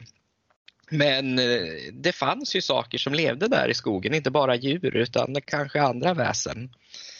Eh, och eh, där lekte jag och tyckte att det var helt fantastiskt och sen så hängde jag med mormor som var eh, kyrkvärd och eh, fick lära mig den eh, kristna eh, livsåskådningen via henne. Eh, och sen tänkte jag inte så mycket mer på det och eh, växte upp i ett kulturellt kristet hem även om mina föräldrar då eh, mer eller mindre var ateister eller agnostiker. Eh, Fram tills jag började läsa om andra religioner i skolan och insåg att ja, men det kommer folk från Turkiet och Libanon och de är muslimer. Och det var första gången jag insåg att det fanns något som hette religion. Eh, och där började min resa genom att söka, söka en tro eller en, en religion. Eh, och eh, där så hittade jag till slut eh Wicca när jag var 14-15 år. Eh, från en gammal blogg eller hemsida. Sorchas Dark Dimension tror jag hon hade som namn. Sorchas Dark Dimension, ja. Ja, Eh, och hon kombinerade wicca och satanism. Och det tyckte jag var lite spännande. Eh, för det bröt ju mot totalt kristendom och allt sånt. Eh, så att eh, tonåring, eh, lite revolutionär, så, så började jag kalla mig för wiccan. Eh, och började också hitta andra källor, till exempel Scott Cunninghams eh, bok eh, eh, Ja, vad heter den då? Guide to the Solitary Practitioner, eller? Precis, ja, ja. exakt den. Det är nog många som börjar där någonstans. Ja. och den är ju helt fantastisk bok för att eh, inledningen skriver Cunningham att eh, det här är bara mitt take-on på Wicca och när du då skriver din egen Book of Shadows så, så eh, kan du använda det här som en start och så fyller du på eller tar bort det som du inte gillar. Och det tycker jag är skitbra för det är essensen av Wicca för mig. Mm. Eh, så Cunningham har format mig väldigt mycket och nu kommer jag säkert få hela initiatoriska Wicca efter mig som, som hyllar honom så pass mycket. Bra, börja starkt. Stopp där. Ja, det här är intressant. Varför skulle de komma efter dig? För där vill jag förstå. Är det liksom en, är det splittringar eller är det olika inriktningar eller vad händer här? Det, det, är väl just den här delen att eh, Cunningham är ju den som tar eklektisk, skapar den eklektiska wiccan eller den wiccan för just eh, den ensamutövande wiccanen egentligen. Mm. Han och eh, Raymond Buckland eh, ser väl till och grunda den här stora rörelsen som kommer att bli Wicca-rörelsen. Innan det så kan man väl kanske inte säga att det fanns någon Wicca-rörelse. Eh, utan då var det ett eh, hemligt sällskap där du var tvungen att bli initierad enligt eh, initiationsritualen. Och det är fortfarande de wiccaner, framförallt då, gardnerianer och alexandrianer som anser att du kan inte kalla dig wiccan om du inte har genomgått den gardnerianska eller alexandrianska initiationen. Vilket jag då tycker är rätt mycket bullshit. Utan wicca är till för alla men man kan också gå in i en tradition. Så att om man ska kalla sig för gardnerian eller alexandrian, då måste man ha genomgått eh, den riktiga initiationen. Då. Mm. Så att där finns en stor splittring mellan, eller inte stor, den, den var nog värre, eh, större för 20 år sedan. Eh, idag så har väl de flesta accepterat att ja, men Wicca är, är ute. Eh, det, har, det är som att samla katter idag, liksom. det går inte. Har man fått fatt i en och placerar den i korgen så, så sticker den andra och tredje och fjärde och så får man hålla på. Så det är ett, eh, ett, ett Sisyfos-arbete.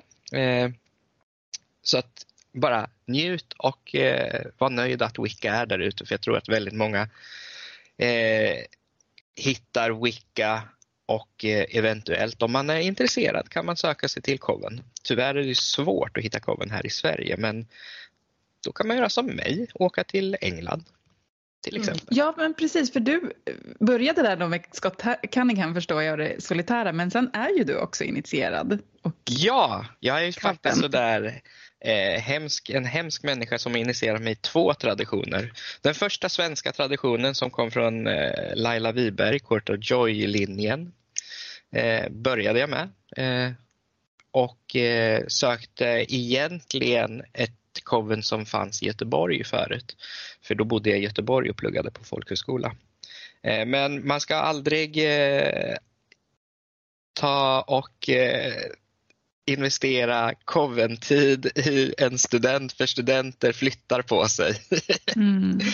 så att jag flyttade till Uppsala så att den tiden som de i Göteborg la på mig fick de inte tillbaka, eller vad man ska säga. Eh, Men de la ju också grunden till att jag fick kontakt med ett coven i Stockholm. Så 2004-2005 så initierades jag in i den svenska traditionen. Eh, svensk initiatorisk Wicca brukar vi kalla det. Eh, och det är därifrån jag har, har den längsta erfarenheten och 2013 knoppade jag av och bildade ett eget coven i den svenska traditionen. Eh, och sen åkte jag över till England 2014 eh, och initierades in i ett eh, gardnerianskt coven där.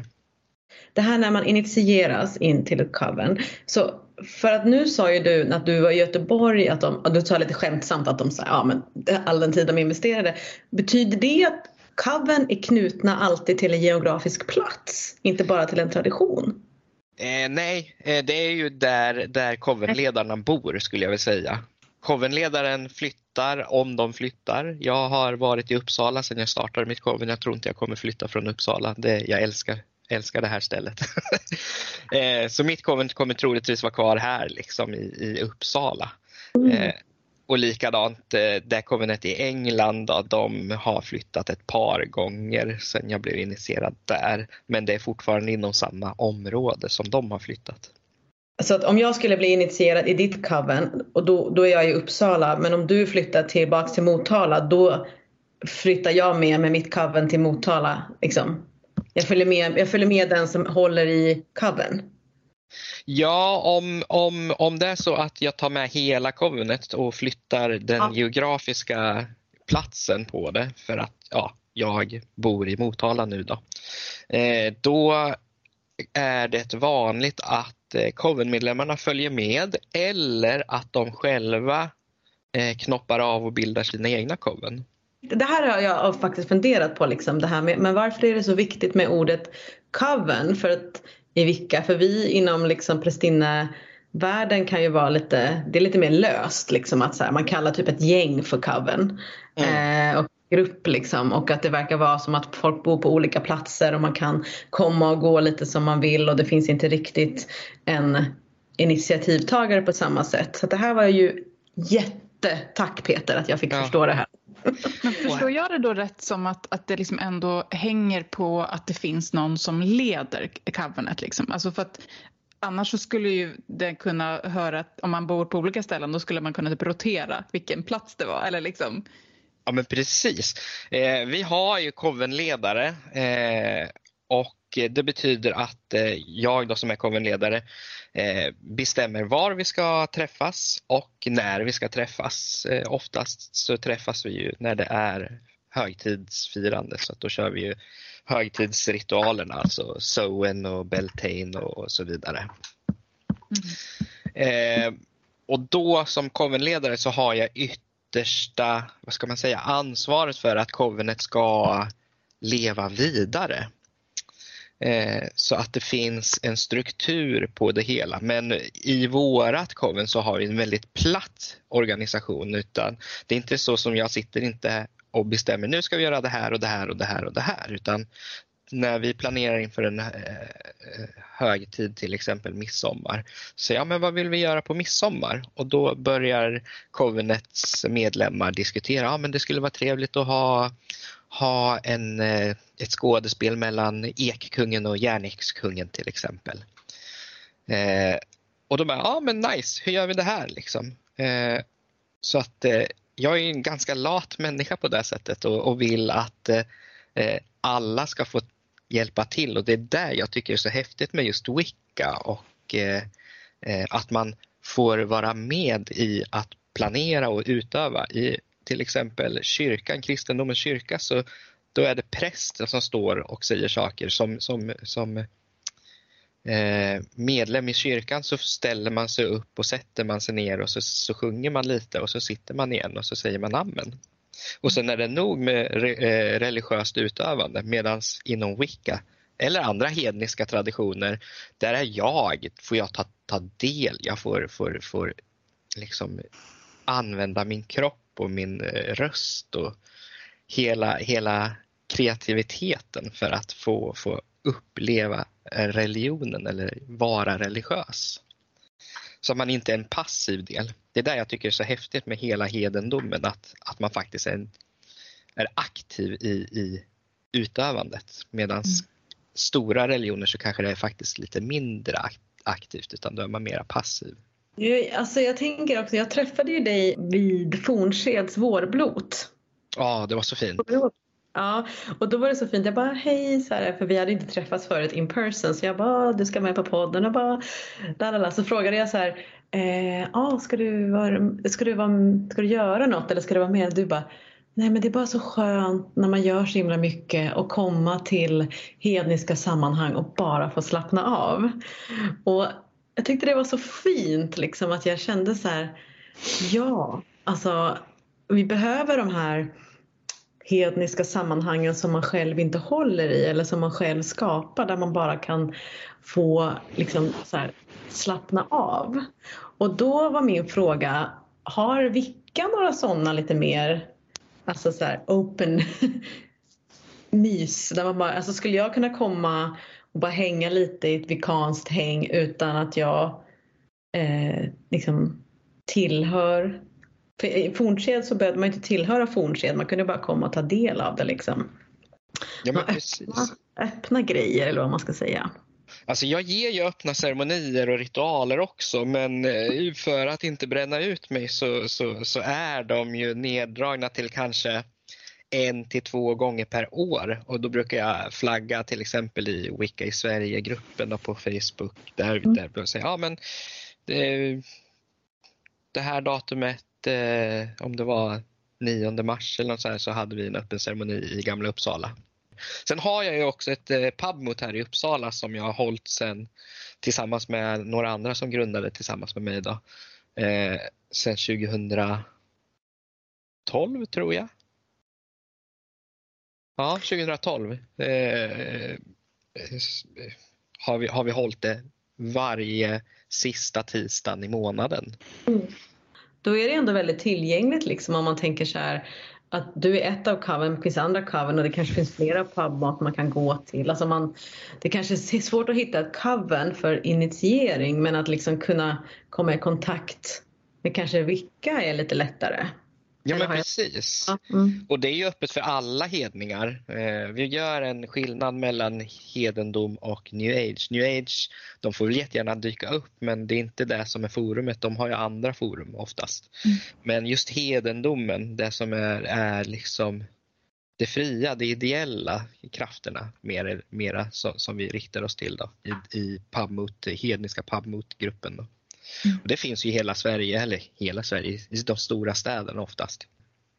Mm. Jag tänker på typ så ceremonier som man liksom bjuder in till, som, som vi ibland gör Rebecka, liksom, att man så här, då är det ändå så ett gäng prästinnor och präster, typ priestex, som håller en ceremoni och så kan liksom folk få komma och uppleva den.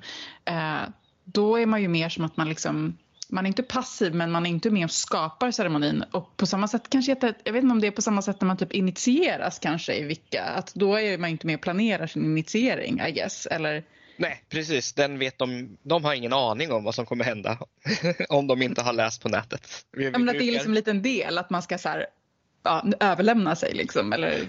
Precis, det är en del utav, utav upplevelsen. Jag brukar alltid säga det till de som är sökare att eh, är du intresserad av den initiatoriska delen, leta, läs inte initiationsritualer oavsett vad det är för att då kommer du ha en bild av, i, eh, om vad du kommer gå igenom och det kan förstöra din upplevelse.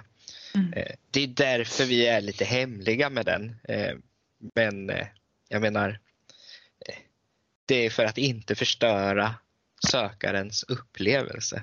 Mm. Värre är det inte. Många tror att vi är hemliga bara för att vi ska vara så himla coola, men det är vi inte. Vi är ganska icke-coola. Vanliga, liksom.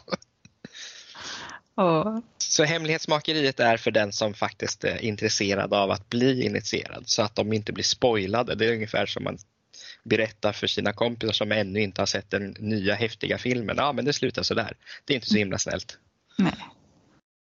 Nej, spoilers gillar vi ju inte. Men jag tänker mig, nu har, du nämnde ju eh, olika riktningar här, liksom olika traditioner. Men finns det, alltså så här, när Okej, vi säger så här nu. Du vet, jag måste vara så här hands-on och förklara för mig som att jag inte förstår. Så här, jag har kommit till dig Peter, vi känner att vi kan jobba tillsammans, jag blir initierad i ditt coven och sen så jobbar vi tillsammans x antal år eller månader eller när kan jag bestämma att nej men jag tror att eh, jag måste ändå liksom ha mitt, e mitt eget coven och gå en egen väg. Hur, hur är det bara att göra det eller finns det så att jag måste ha en dialog med dig? Eller kan man bara göra sin grej efter man är initierad? Eh, jättebra fråga. Eh, I både den svenska traditionen och den gardnerianska traditionen så eh, blir man initierad eh, och eh, man får då skolning och träning i traditionens specifika saker. Så till exempel gardneriansk wicca då, kommer du få lära dig hela den gardnerianska ritualstrukturen. Du ska vara liksom du ska kunna den innan och utan och du ska ha alla dina speciella eh, verktyg, häxverktyg då, som, som finns upptaget i den gardnerianska traditionen. Eh, du ska också ha börjat ta på dig eh, lite undervisningsdelar i Covenant för de som är lite nyare än vad du är. Och sen så ska du också vilja knoppa av och bilda ett eget Coven. Och när du kommer till den nivån att ja men Peter, jag känner att jag vill utvecklas och gå vidare. Då tar vi upp en, en diskussion och dialog där jag berättar, ja men då vill jag att du jobbar med de här sakerna. Och det är egentligen en skolning i att bli en covenledare och kunna själv hålla i ett coven. Så att eh, det är en väldigt mycket skolning eh, mm i covenet på det sättet. Eh, och sen så då för att i den gardnerianska traditionen få skapa eget coven och initiera andra så måste du alltid vara andra grads initierad. Och eh, det är för att det är bara andra graden som har den möjligheten att initiera andra i just gardneriansk tradition. Mm. Ska jag väl vara väldigt tydlig med att säga. Mm. Så det finns någon säkerhet där också då att man verkligen har, alltså man har koll på vilka som knoppar av? Precis mm. och eh, jag är jättenoga med att eh, kontrollera den som kommer in till mig. Vi har en halv, eh, ja, ett halvårs eh, eh, tid som vi kallar för pratgrupp där jag träffar sökarna eh, minst en gång i månaden för att ta reda på dels för dem att de ska få reda på vem jag är och jag får reda lite på vem de är, vad de har för åsikter om olika saker. Jag vägrar ju befatta mig med rasister, homofober, funkofober och så vidare och så vidare. Eh, eh, de, kommer, de blir bortplockade väldigt tidigt om det skulle dyka upp sådana saker. Och det är därför jag har den här långa perioden och efter den här halvårsperioden då eh, behöver sökaren be om att gå vidare. Jag kommer aldrig erbjuda, alltså, ja men jag vill att du ska följa med eh, in i mitt coven. Eh, så kommer aldrig så, så kommer det aldrig hända. Det ska inte hända sådana saker i, om man söker in till ett seriöst koven. Man, för vi får inte rekrytera, vi är inte en missionerande religion. Utan det är alltid sökaren som måste be om, Peter jag vill bli initierad eller jag vill gå vidare. Och då har jag känt så här, ja men, ja men vi funkade jättebra, kom. Kom och var med i, i, i en vidare liksom utbildning som ännu fortfarande är utanför Covenant. Mm. Och då brukar det vara ett år, två år lång som man träffas eh, ja, varannan vecka och, och eh, utbildar sig inom olika eh, magiska, eh, ska man säga, eh, korrespondenser med och jobba med elementmagi och lite sådana så enklare saker för att vi vill se hur, hur man fungerar i grupp. Liksom. Mm. Och när den tiden har börjat eh, rinna ut så kommer den här människan, sökaren, eh, bli lite mer rastlös och så bara, ja men nu vill jag ju också bli medlem i Covenant. Då får de fråga igen för jag kommer inte återigen inte säga att nu är det dags för dig att bli initierad utan då kommer sökaren få säga, men Peter jag vill bli initierad. Och då kommer jag säga, ja men vad kul att du frågar. Då planerar vi in ett datum. När ni hade avsnittet om eh, red flags och grejer. Mm. Jag blev så heligt förbannad när jag hörde era ingångar till Wicca. Alltså mm. ni, alltså det lät ju helt sjukt det ni blev, blev utsatta för. Framförallt Rebecka tror jag. Alltså min grej var nog mer så här, alltså jag tänkte att det var mer att vi hade olika syn på saker. Liksom. Att de var ändå så schyssta människor och så. Men. Ja, ja. Och jag har ju, du nämner ju inga namn men jag kanske har mina föraningar. Men, men jag mm. blev så för, förvånad framförallt då när, de, när, de, när du berättade att du blev upp kontaktad av dem. Liksom. Just det, det har jag ju inte alls fattat att det var en red flag. Eh, jag... Men nu i efterhand så måste jag säga att allting var, allting var lite det var lite så här, känslan av att jag ger mig in i något farligt och det tycker jag är väldigt kittlande och spännande. Jag har gjort många gånger i mitt liv. Men eh, det, så ska det kanske inte kännas. Nej, framförallt så enligt wiccansk kultur är att sökaren kontaktar Covenant, inte tvärtom. För ja. då blir det jättekonstigt. Ja. Mm. Oh, gud ja. Shit. Jag har inte ens tänkt på att den, gre alltså, den grejen skulle varit problematisk men alltså, nu när du säger det så, så här, självklart liksom. Och, eh, ja, det, var, det var ju lite, jag kände lite som så här, känslan av att det var någon sån, det var någon sån dating feeling liksom. på allting. Ja, och det blir lite då blir det konstigt och eh, faktiskt red flag. Jag, jag, jag, jag förstår inte hur, hur de har tänkt där. Men då är väl det en jättebra grej att skicka ut till folk då som en så här, liksom, ja men du har redan sagt det nu men vi upprepar det att liksom inom vilka så är det, du ska aldrig bli tillfrågad om du vill bli initierad, om du vill vara med utan det är alltid man själv som ska fråga. Precis, för det är så himla viktigt att man inte har några sådana eh, auktoritetsband liksom att ja men mm. så. Eh, Ja, så det var den första grejen som jag bara shit, herregud. Ja. Så där kan man ju inte hålla på. Vad, vad har hänt? Mm. eh, så där blev jag ju helt chockad. För det är shit. vettiga människor vet, vet jag i, mm. i den svenska traditionen. Liksom. Mm. Så att ja, ja, så att ja, det blir nog en diskussion på vårt interna forum. Ja, det var det ju 10-15 år sedan. Liksom, men, ja, ja, tack och ja. lov. De kanske var unga då, eller något, jag vet inte. Nej men jag tänker nästan att det där, alltså det som jag var med om det var ju mer alltså så här douchebags kommer i alla skepnader kind of upplevelse liksom och vad fan liksom. Eh, det känns som att jag har haft en lite, lite samma känsla i andra andliga sammanhang att det finns, det är inte helt, när man är äldre kan man förstå. Men jag tycker det där, eh, det där som, när du nu berättar att man inte ska söka upp då blir det ju där verkligen mycket större red flag för att det sker liksom inom en struktur. Mm. Ja men precis. Mm. Och, och, det vill vi inte ha hos oss och det är därför det är så himla viktigt när, att vi har lång antagningsprocess och vi inte får in konstiga människor. Det får vi i alla fall men det visar sig tyvärr lite för sent kanske.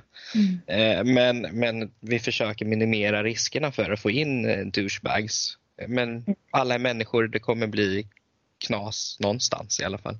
Och sen så när, när du berättade då, eh, Rebecka att, eh, att eh, vad var det? De hade, du, hade, du, hade, du hade träffat dem på Pubmot i Edinburgh? Var det Ja. så? Ja. I några gånger och sen så typ bara sa de att nu ska vi initiera dig. Då skulle vi liksom åka ut till en, något hus, någons stuga och så skulle det liksom ske en första initiering. Och de vill vi ju verkligen röka ut. Och det är något Ja. som jag har tagit på mig som en sån liksom eh, du pratade om eh, Rebecka att eh, du ville liksom hade fått av gudinnan att ge årshjulet till människor. Mm. Jag, jag har inte fått från gudarna, eh, gudomarna utan jag har tagit på mig det här helt själv. och det är liksom det här du ska aldrig behöva ha sex med den som initierar dig till exempel. Det är Mm. folk som utnyttjar det, framförallt utomlands. Då. I Sverige så har vi ganska tydliga liksom, gränssättningar. Mm.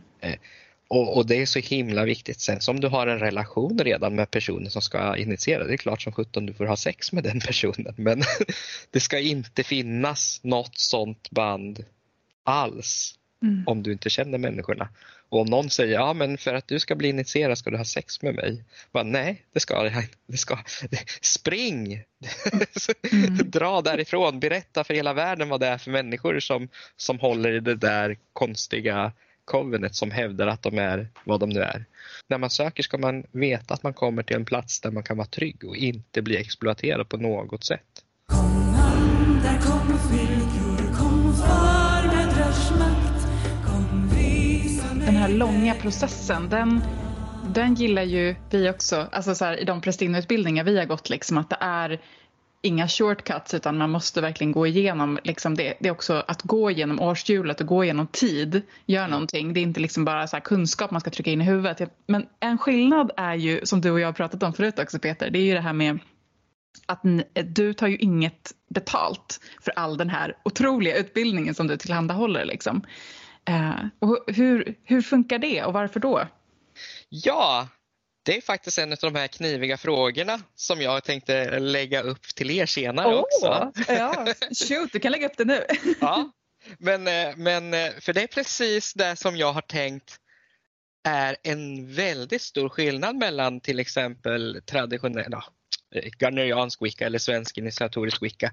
Att vi tar ju inte betalt för någonting. Vi får inte, det är, det är så tydligt. Har vi några regler inom wicca så är det just det här. vi får inte blanda in pengar. Däremot eh, vi tar ju ta, såklart betalt för att, eh, eller tar betalt, vi, vi går ihop tillsammans och köper ljus och rökelser och andra saker då som, som ska vara med. Då delar vi väldigt, eh, ska man säga, socialistiskt rakt av då att ja men eh, jag betalar så här mycket för att jag eh, tjänar lite mer än vad du gör och så vidare. Så att eh, ingen ska bli liksom ruinerad på att vara med i vårat konvent. Mm. Men vi delar på, på, på kostnader helt enkelt, rökelsekol och sånt. Och det är inte stora pengar heller det rör sig om. Eh, men jag har ju möjlighet att faktiskt säga nej, jag vill inte ha med dig för att eh, du har visat på dåligt omdöme, du eh, har uttryckt dig sexistiskt eller rasistiskt. Du, du, ja, du, du är inte välkommen. Liksom. Och jag kan också säga stopp och belägg till mina eh, Coven-medlemmar om de så här typ flyttar in till mig eller vad man ska säga att eh, ja fast eh, jag eh, är din Coven-ledare men du kan inte vara här hela tiden. För jag har också ett liv. Eh, och eh, då så eh, har jag den möjligheten också att och, och liksom sätta olika gränser. Jag har ju alltså inget vad ska man säga, kundförhållande för ingen har betalat mig för en tjänst. Mm. Och där kommer eh, eh, min kniviga fråga till er då. Kundförhållanden gentemot eh, eh, prästinnetiteln och de utbildningar som man kanske betalar för sig i prästinnetraditionen. Kan man neka någon som betalat för sig? Om så här, kunden har ju alltid rätt. Grejen har jag funderat på ett tag. Jag känner att jag har mycket enklare för det men om någon skulle betala för en, en ettårig kurs till exempel. Jag bara shit, den här människan har betalat. Jag kan betala tillbaks pengarna men ja, kanske. Hur, hur, hur ställer ni er till kundförhållandet som, som eventuellt tar betalt då? Älskar den här frågan. Visst är den knivig? Ja, den är knivig. Jag har ju egna kurser eh, och i början så ville jag ju inte hålla utbildning utan jag fick också till mig från gudinnan att alltså, jag, ska in, jag, ska, jag ska introducera årshjulet till människor. Och då skapade jag min kurs som hette Vandra med prästinnan. Och där var jag väldigt noga med vad det handlade om, att det inte var en utbildning, du får ingen titel av mig, utan det är en, det är en introduktion för dig som vill komma ut i skogen, sitta vid elden, lära dig att trumma, lära dig om gudinnor, bla bla bla, jada jada. Eh, och där så har jag ju skrivit ett kontrakt med var och en där de måste berätta för mig om de har några underliggande liksom Alltså psykisk ohälsa som jag behöver känna till eller alltså saker som jag behöver veta om för att se om de klarar av att gå ett så djupt ändå liksom to show up åtta gånger. För det är jätte, jättesvårt. Men sen vid år två som jag inte hade tänkt att ha men eftersom de frågade efter år två och numera år tre så nu har jag en jordprästinneutbildning. Där låter jag inte alla gå vidare. Om jag, då är det så här att jag säger så här men du de här, de här övningarna eh, är ju så här och så här eh, för dig. Och vi kommer jobba mer med det här. Alltså vi kommer vara ute mer i mörkret och du är mörkrädd. Vill du gå? Kommer du kunna gå? För att du kommer behöva betala mig. Eh, och jag vill inte att du, alltså du kan få vara rädd och tycka det är jobbigt men du får inte ha liksom en rädsla och en otrygghet och av den anledningen inte komma. Då blir det jättekonstigt. Men om du är redo, nu tog jag mörkrädd som en ja, ett exempel, liksom, det är inte riktigt så. Eh, om du är redo att jag får vara din prästinna, hålla dig i handen och vi går djupt in i mysterierna tillsammans. Och ibland kramar jag dig, ibland så måste jag putta dig lite själv för att du behöver upptäcka. Ibland så ligger jag och ammar dig. Då är du välkommen. Men det kommer bli tyngre och det är mera läxor, det är mer hemarbete. Eh, och sen inför sista året, där är det ju också väl, där är det ju, alltså man kan ju börja med typ 30 personer och efter tre år så är det typ sex kvar som orkar gå hela vägen. Och de är ofta väldigt dedikerade och vet vad de vill ha. Så att jag känner ju också inför ett, det tredje året så har jag ju pratat med andra prästinnor som håller utbildningar. Så alltså nu ligger det ju, jag tänker att ni är ju bägge två lärare. Nu ligger det ju i mitt största intresse att motivera dem och att jag behöver nu, jag har ju skickat ut en stor jävla liksom lunta med vad de de behöver svara på för att jag behöver kunna liksom, om de är prästinnor, jordprästinnor så behöver jag veta att om jag säger okej okay, men om, kan du stå där borta så kan du ge dem eh, välsignelse i vatten. Att de bara vet. Allt som handlar om att göra en vattenvälsignelse men allt som handlar om jordning, grundning, kalla in, skydd, platsens rådare och väktare. They, they know that och det behöver jag ju kunskapskolla.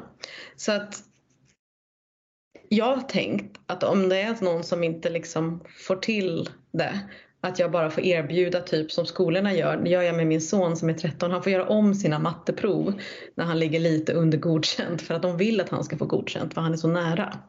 Ja, men det är ju också för att jag får betalt. Alltså det här blir ju en del, alltså det blir ju ungefär som en halvtidstjänst för mig. Och då lägger jag en halvtid på det. Alltså jag, jag eh, pratar med dem i telefon, jag svarar på mail, jag guidar dem, jag håller dem hela året, jag har Facebookgrupp där vi liksom pratar. Så det är inte bara de här åtta träffarna som vi ses, utan jag håller dem tills de är klara. Jag är som deras häxmamma. så. Eh, och sen så hoppas jag nu att det blir så. Det tycker inte jag har varit med mina egna utbildningar. Men jag hoppas att det blir så att efter man är dedikerad efter tre år att vi hamnar på en egal nivå. Att vi är, jag är inte deras lärare längre utan nu går de sin egen väg och knoppar av och blir de prästinnor, priestex, präster de ska vara i den här traditionen. Och sen kan jag komma till dem och gå en kurs som jag vill så småningom. Så tänker jag. Jag är ju mer på andra sidan att jag liksom köper köper tjänster, jag är kunden. Jag ytterst sällan har väldigt länge sedan också typ tagit betalt för den här typen av saker. Jag tänker liksom att, lite det som du var inne på Rebecka, att att jag tänker mig att när man tar betalt då kliver man in i den professionella lärarrollen precis som du och jag gör till vardags Peter. Att liksom, då kan man ju inte, då kan man ju, precis som du säger, man kan inte säga till en elev bara du får gå, liksom, det här går inte. Utan på något vis, precis som med din son där Rebecka, så blir man ju tvungen liksom, att nu är jag här i en professionell roll och då behöver jag guida den här personen framåt. Hur jävla mycket motstånd den är och hur svårt den är liksom. Uh, och det är ju faktiskt något som jag har känt att jag inte vill göra med min andliga praktik så mycket. Lite kanske som du då, då Peter. Eller jag vill känna mig väldigt så här, jag, jag vill inte ha den lärarrollen men det kanske är för att vi båda är lärare också. Kan vara. För att man bara orkar inte vara det också liksom i det här på något vis. Där man vill kunna vara mer fri. Men, men jag förväntar mig absolut någonting av när jag betalar för en, för en, liksom en utbildning så förväntar ju jag mig av den prästinnan då som det oftast är samma sak som jag tycker att mina elever kan förvänta sig av mig. Jag förväntar mig professionalism, jag förväntar mig att den personen liksom finns där på ett sätt som jag inte skulle göra om det här var gratis och, och liksom frivilligt. Eh, jag är liksom, min fråga till dig Peter blir ju liksom så här, hur fan hinner du liksom? och orkar? För att när man tar betalt då kan man ju som Rebecka säger, så här, ja, men det här är min halvtidstjänst liksom. Då kan man ju jobba mindre liksom, med sitt förvärvsarbete. Typ, liksom. Ja, och det är väl därför det finns så många coven i Sverige. det är inte så många som orkar och framförallt hinner. Eh, och eh, det är därför min antagningsprocess eller våran, våra antagningsprocesser i coven tar så lång tid. För att då vet vi att den här människan är någon som jag vill släppa in på kroppen, alltså komma nära, jobba länge med, någon som jag kommer stå ut med. Och likadant, de kommer kunna orka och stå ut med mig. Jag är inte den lättaste människan alltid heller. Liksom. Jag är oerhört eh, jobbig att ha att göra med för att jag är snurrig, förvirrad och eh, får konstiga idéer och eh, tycker att det här är en jättebra idé och då måste de orka med att ja, men det, det är bara Peter som är som han är. Liksom. Mm. eh, och eh, det är därför vi har den här långa eh, antagningsprocessen för att säkerställa det här är människor som jag kommer orka jobba med länge. Eh, och människor som jag får energi av att vara tillsammans med. Mm. Eh, istället för att kanske, om, eh, nu, nu, i och med att jag inte tar betalt och så, så vet jag inte, men hade någon börjat betala mig så kanske jag bara, ja, men jag måste nu sätt, göra det här. Eh, sen, eh, jag investerade i den här lite längre processen för att anta någon och då vet jag, ja men det här kommer bli min eh, valda familj liksom och, och det kan jag lägga ner blod, svett och tårar i efter, efter att eh, man har initierat dem. Då. Mm. Men de kommer ju aldrig dit eh, om jag känner att den här människan kommer inte jag få en connection med. Eh, Utan då kommer jag säga det och det är inte deras fel. Det, det, de kan vara en helt fantastisk person. Men jag kan känna att nej, vår personkemi funkar inte. Och då kan jag säga det, att eh, tyvärr. Men jag, och då kan jag också rekommendera dem, ja, men sök till det här Covenant i Stockholm eller vart det nu är. Liksom. Jag har kontakter i, i, i England och ja, men i, i princip hela världen. Om de Mm. är beredda på att resa. Mm. Och det är ju, det är ju det är ju faktiskt en frihet att kunna liksom då ehm, mm, kunna, kun- du, du kan vara exakt så som de vill och de behöver kunna liksom vandra med dig och, och förstå behöver inte förstå dig 100% men de måste förstå ditt sätt att vara och kanske, alltså det är klart man kan alltid få ifrågasätta men Absolut, de får ifrågasätta hur mycket som helst. Ja, men en lärare som man har betalt för känner man ju så här, men nu vill jag, det hade ju jag och, och har ju jag och Elin pratat om i podden när vi hade en, en lärare som, som vi inte var nöjda med och det, och det, gick inte att föra fram kritik mot, mot den utbildningen liksom för att och det, och det blir ju jätteskuggssida inom prästinnevärlden när man bara okej, måste jag bara köpa det här? Det här vi, vi snackar om 40 000 och du har inte ens tänkt hur man inkluderar. Eller vad säger du Eldin? Mm, ja men absolut, det är väl det som jag också menade att när jag betalar för någonting då förväntar jag mig en nivå av professionalism. Liksom. Då tänker jag att så här, jag, jag betalar gladeligen om jag vet att nu så kommer det vara så här proffsigt liksom. Och då blir man ju svinsur när det inte är det såklart liksom. Men visst är det så, för du är ju inte bara vikan. Du eh, sysslar ju med andra liksom andliga grejer också och där du också tillhandahåller tjänster. Ja, det är skitsvårt. Jag, tar, jag har jättesvårt att ta betalt. och det, det är någonting i mig som bara, men Peter du kan inte ta betalt för att lägga en tarotläsning. Du kan Mm. inte ta betalt för att åka hem till någon och göra en husreningsceremoni, eh, schamansk husreningsceremoni. Och jag bara, sitt då där, men jag, jag, jag tar och åker kanske flera mil för att göra det här. Det är klart som sjutton jag måste ta betalt. Mm. Eh, och det är någonting som jag har kämpat med jättelänge. För jag som sagt var skolad i det här. Ja, men vi investerar vår tid i det hela. Det ska vara gratis. Men, men nu har jag kommit till den, till den punkten att ja, men jag, jag måste ta betalt för, för saker och ting. Och det är faktiskt inte Wicca som jag åker ut och gör. Mm. Och då, har, då, då, då finns det inte sådana regler. Liksom. Eh, Det är bara Wicca som, som, som, om jag skulle undervisa i Wicca och ta betalt, då skulle jag begå, eh, vad ska man säga, synder inom Wicca om det finns något sånt. Mm. Men, men eh, för, för schamanskt arbete, sejd och så vidare, då har jag inga problem med att ta betalt idag. Men det har varit kämpigt att lära sig. Mm. Men jag tänker också att det här liksom, vi och Rebecka har pratat om det förut men alltså vi lever i ett kapitalistiskt samhälle och det blir ju liksom omöjligt att, att tillhandahålla de saker som människor behöver om man inte får ta betalt. Om allt ska vara på ideell basis. Men som du säger, det finns väldigt få covens liksom. Det är ju också av den anledningen antar jag att liksom det, många människor har inte den tiden eller liksom man måste för, lägga sin kraft på förvärvsarbete för att överleva liksom. Och, eller jag vet inte hur du tänker om det. Liksom. Jo, men jag, jag tror precis att det är så att folk eh, orkar inte att hålla koven på det här sättet för att man tar så himla mycket av sin tid. Mm. Eh, och, och vi träffas ju som sagt bara ja, men, eh, ett par, tre gånger i månaden. Vi har våra ritualer, vi har fullmåneritualer och grejer. Så det blir ju oerhört stor del av mitt ja, årstid eller vad man ska säga Mm. eh, som, som jag lägger ner i, i covenarbetet samtidigt som jag håller pubmot här i Uppsala och allt är ju på ideell basis. Mm. Jag hade ju varit stormrik om jag hade tagit betalt för det här, höll jag på att Mm. säga.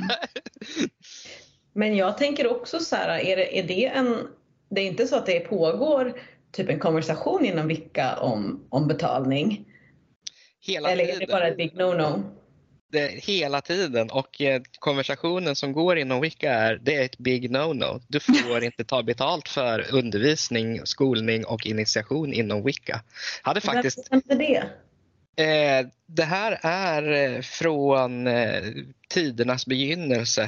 Eh, troligtvis från de som initierade Gerald Gardner. Eh, Äh, De var väl rika? De var ju rika. Det är klart att de inte behövde pengar. Ja, det är väl lite si och så. Vissa hade väl pengar och vissa hade väl inte pengar skulle jag säga. Eh, men det här så kallade New Forest Covenant, eh, Dafoe och company. Eh, de, eh, det är de som satte de här reglerna för, för det som kommer att bli det vi känner till som Wicca idag. Eh, som Gerald Gardner då skickade ut i världen och sen så kom hans prästinna Doreen Valiant som tyckte att Gerald Gardners arbete var lite, lite, lite dåligt gjort och då sa han surt till henne, ja men gör det bättre själv då och så, så skrev hon om precis allting inom det som Gardner hade gjort och så blev det till det som vi har idag då, som Wicca. Mm. Så att egentligen borde man ju säga att det är Doreen Valiant som ska, ska, ska hyllas som Wiccas moderna grundare.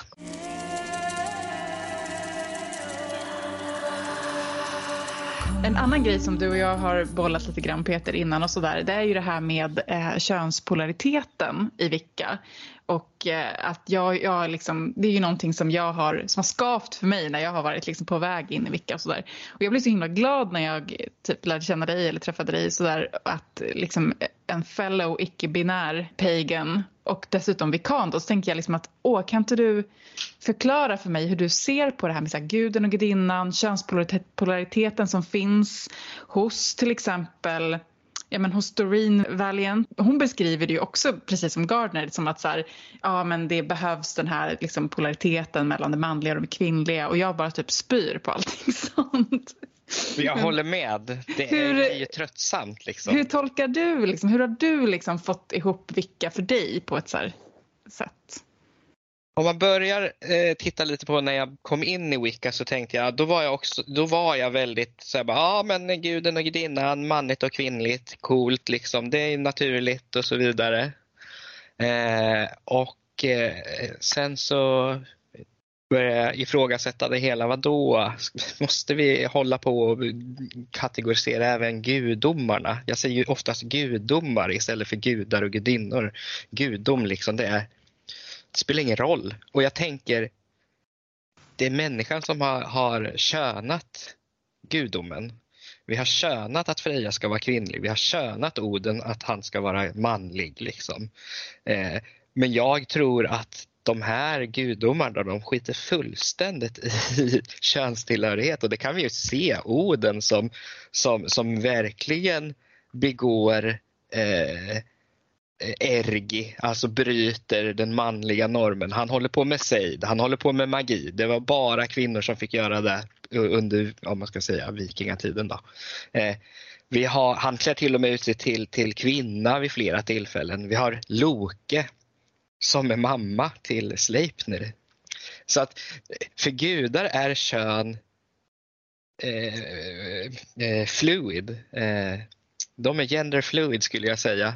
Eh, så att eh, i, i gudavärlden, och, och tittar vi på grekisk mytologi, där är det ännu mera där gudarna liksom byter kön, de, de gud, man, sådana som vi har skapat som manliga gudar som, som, som föder barn. Zeus har väl hur många barn som helst som han föder ur sin egen kropp till exempel. Athena från örat och om det var någon från något lår och grejer. Så att han är ju också mamma liksom. Eh, så att för mig när jag började läsa mytologin i, i, i de olika gamla religionerna så, så bara, men, men, men gudomarna är gender fluid. Det finns inget kön hos dem. Det är någonting som vi människor har satt för att vi ska förstå, för att vi är så himla binära eh, i vårt eh, tänkande. Nu generaliserar jag. Eh, och eh, när jag själv började ifrågasätta min, min könstillhörighet och, och som, som icke-binär så, så kände jag bara att men ja, varför inte? Eh, om, om, om gudar kan vara icke-binära, vilket jag tror att de är, eh, så ska ju vi människor absolut kunna vara det också. Och vi har i, idag kommit på att det är väldigt vanligt med, med att människor faktiskt inte har en könstillhörighet. Vilket är helt okej att man har. Eh, att, att man vill tillhöra ett kön också såklart. Men det ska också vara exakt lika eh, fritt att inte tillhöra. Det finns en bok som eh, Deborah Lipp precis har släppt som heter Bending the Binary. Jag har inte hunnit läsa den, den släpptes faktiskt för bara tre, fyra veckor sedan. Eh, som, som just tar upp eh, eh, könstillhörighet och polaritet inom Wicca. Eh, I USA så är de helt bananas eh, kan man tänka sig att de är. eh, inte alla, men det har blivit en enorm debatt om, om transpersoner och deras varande eller inte varande inom gardneriansk Wicca.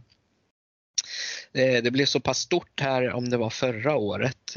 Var ett antal konven som gick ut och skrev att de var traditionalistiskt garneriansk tradition och de initierade minsann inte transpersoner. Och de eh, skrev på en eh, lista där eh, och det visade sig att det var så här typ 20 pers som skrev på den där. Och tack och lov så blev de helt sönderbombade utav oss andra vettiga wikaner. Mm. eh, och sa vad håller ni på med? Ni är helt korkade. Ni får väl hålla på vad ni, med vad ni vill men ni behöver inte gå ut och liksom berätta att, eh, att ni är någon typ av eh, ska jag säga, talesperson eller språkrör för Gardneriansk vicka, för det är ni inte. Ni är 20 personer och det finns väl åtminstone ett antal tusen initierade i USA som eh, kanske inte aktivt gått ut och reagerat på det hela men definitivt har ställt sig bakom att eh, motarbeta just den där typen av eh, idioti. Och jag är väldigt glad för att den gardnerianska eh, eh, eh, traditionen har, har valt att ställa sig på transpersonernas sida i det här. Mm. Förr i tiden så om någon kom på att de var trans så behövde de gå igenom initiationerna igen som det könet som de då tillhörde. Och det är bara bullshit. Eh, Det är klart de är initierade från början oavsett vad de hade för könstillhörighet när de blev initierade. Mm. Och så tror jag att den, den, den vanliga eh, Gardnerianen idag diskuterar och håller med om att självklart är man initierad oavsett vad man hade för kön, könstillhörighet när du gick in i, i Wicca. Mm. Eh, det var någonting annat jag skulle försöka få in där också men det slapp undan mig. Ja men det, polaritet och grejer. Eh, och där har vi där, vi har en, en diskussion om att det ska vara är du prästinna så ska du bli initierad av en präst och så vidare. Men det, är, det håller också på att luckras upp och Wicca är en religion som ska leva i samtiden och här har jag fått ihop varför jag inte tycker att Gerald Gardner och Doreen är så mossiga idag. För att de var barn av sin tid. Man får inte glömma bort att även under väldigt tidig eh, ja, gardneriansk och alexandriansk tid så initierades det in alltså hbtq-personer in i deras koven. Och eh, det är ingenting man har pratat jättehögt om då, men idag så, så brukar vi faktiskt säga att ja, men redan 1967 tror jag som initierade man in en transperson i Gerald Gardners koven. Liksom. Mm. Eh, och jag tror att väldigt få känner till de sakerna. Mm. Eh, och det är ju väldigt tidigt om man jämför med hur transrörelsen egentligen har fått sin, sitt uppsving på 2010-talet i Mm. västvärlden egentligen. De har fått stå tillbaka för homo och bisexuellas eh, rättigheter men nu äntligen så får trans också komma in Mm. i, i samhällsdebatten. Jag hörde dig nu prata så nämnde du ju liksom häxa och det är ju såklart, det är ju väldigt vikanskt ordet häxa, liksom witch. Så nämnde du seid och sen så nämnde du Odin och då tänker jag så här, har du liksom har du försvenskat eller förnordiskat eh, Vicka i Sverige när du har din praktik? Liksom att så, här, mm, så som typ jag och Eldin gör att vi pratar ju kanske inte, alltså vi har ju såklart med de keltiska gudinnorna från vår tradition men att vi, ja men det blir mer att vi försöker jobba med dem som finns i vår historia, myter eller? Jag brukar säga gräv där du står Mm.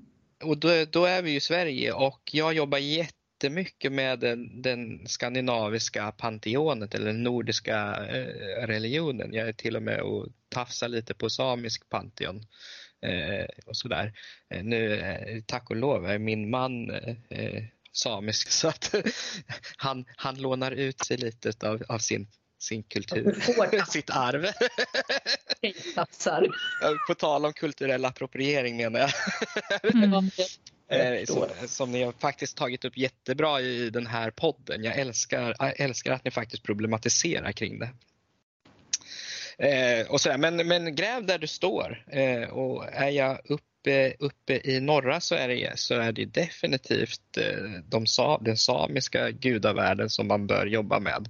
Är man här i Uppsala så kanske man ska jobba mer med, med den, den skandinaviska, ja, men Oden, Tor, Freja, eh, Frej och så vidare. Jag arbetar jätte, jättemycket med Oden och Freja till exempel. Nu måste man ju nästan avsluta med att bara fråga ändå någonting om det koreanska shamanismen på tal om att liksom gräva där man står och liksom vill du berätta någonting om oss? Det känns ju som att vi borde ha ett helt avsnitt om det liksom, men Ge oss en, smak, en smakbit. Ja, den koreanska shamanismen är ju helt galen. Eh, jag åkte till Korea eh, 2015 första gången. Det var min första hemvändarresa sedan jag blev adopterad till Sverige.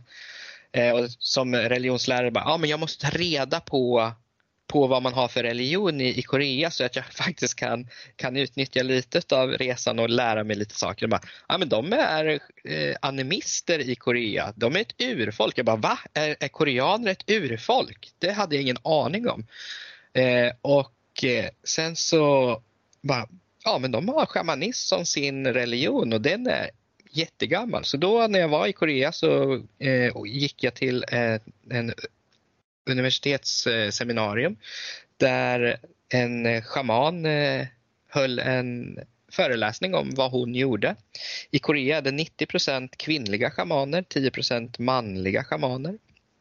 Eh, så att, eh, och även där ser man ju då på att man, man får tala om gender fluid, att eh, shamanen går emellan.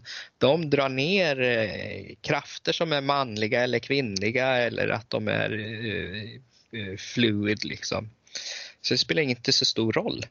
Eh, och den koreanska shamanismen har sett likadan ut sedan 600-talet. Eh, första gången den skrevs ner och den be- beskrivs på 1300-talet exakt likadant som på 600-talet och den ser exakt likadan ut idag som den gjorde på 1300-talet. Så att Eh, och de säger själva att den här schamanska traditionen vi har i Korea, den är över 3000 år.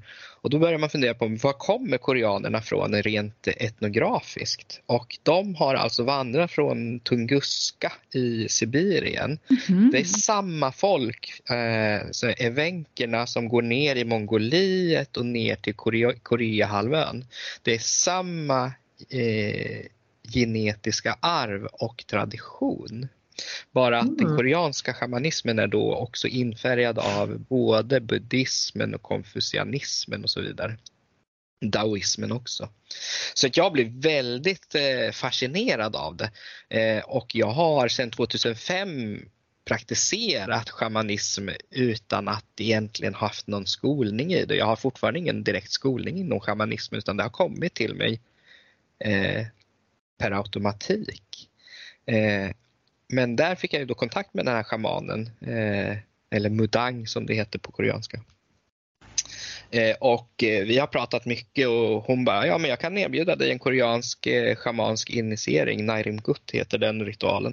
Och jag bara, ja men jag har redan en praktik. Hon bara, ja men då tar vi det nästa gång. Mm. Och nästa gång betyder det alltså nästa liv. Okej. Eh, så att, och det är precis så jag resonerar också. Ja, men det, det blir inte den här gången, det blir nästa gång och då betyder det nästa liv alltså. Och det, har, den, den, det perspektivet har jag haft sedan jag var liten. Och jag som sagt var är ju uppvuxen i ett ateistiskt, agnostiskt hem där religion är flummigt och konstigt. Så min pappa tycker att jag håller på med jättekonstiga saker. Men han accepterar mig för den jag är och det Mm. älskar jag honom för. Mm. Eh, men Eh, jag har alltså haft det med mig sedan jag var liten. Så, som jag började med att prata i, i den här podden att eh, jag lekte i skogen och såg massa väsen där. Eh, kände att naturen var besjälad, den var levande. Och det tror jag kanske är någonstans att, att jag, jag har det här i blodet. Liksom.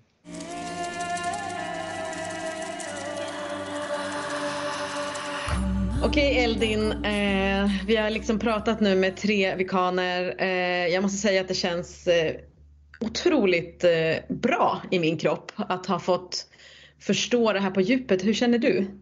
Ja, men ja, verkligen. Och eh, men, som jag har sagt förut så började ju liksom min hedniska resa i Vicka. Och jag menar, det är liksom en så här förälskelse från länge sedan som tänds upp lite grann nu igen. Och jag känner att det är många böcker som behöver dammas av och liksom få lite upprättelse med lite nya tol- samtidstolkningar här.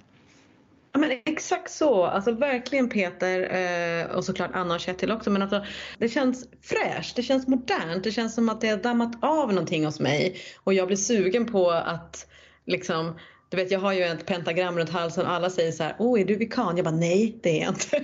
Men nu känner jag så här, Eh, Nej, jag är inte vegan men jag är intresserad igen och vill liksom gå djupare in i, i eh, det som jag har fått lära mig under de här avsnitten faktiskt. Mm. Ja, men så supertack Peter, verkligen. Jättefint Ja, att ha dig här. Tack för att jag fått vara med. Det var ett jättetrevligt samtal och, och podd. Vi brukar ju nu eh, avsluta med att tacka en av våra Patreons med Völvans spådom. Ska du hänga med? Ja, såklart. Völvans spådom. Från dåtid till nutid till framtid. Vi älskar och tackar er Patreons från djupet av våra hjärtan. Tack, tack, tack. Puss, puss, puss. Ni är otroliga. Så en av de saker som vi gör för att hylla er, det är ju att varje vecka så drar vi en utav er som blir föremål för Völvans spådom.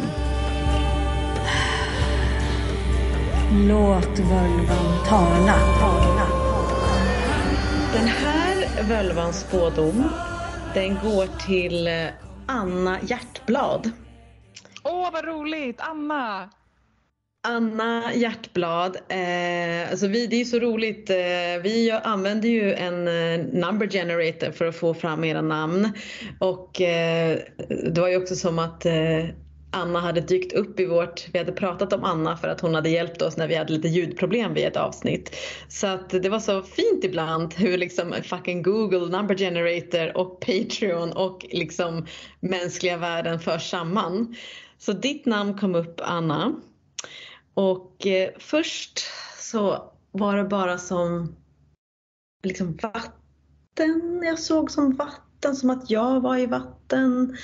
Eller eh, att jag var liksom på någon plats som var blå, turkos. Jag var så här, okej.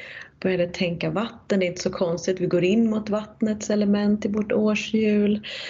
Men sen så liksom eh, kom det som snäcka. Som en stor, stor snäcka. Och sen det här turkosa.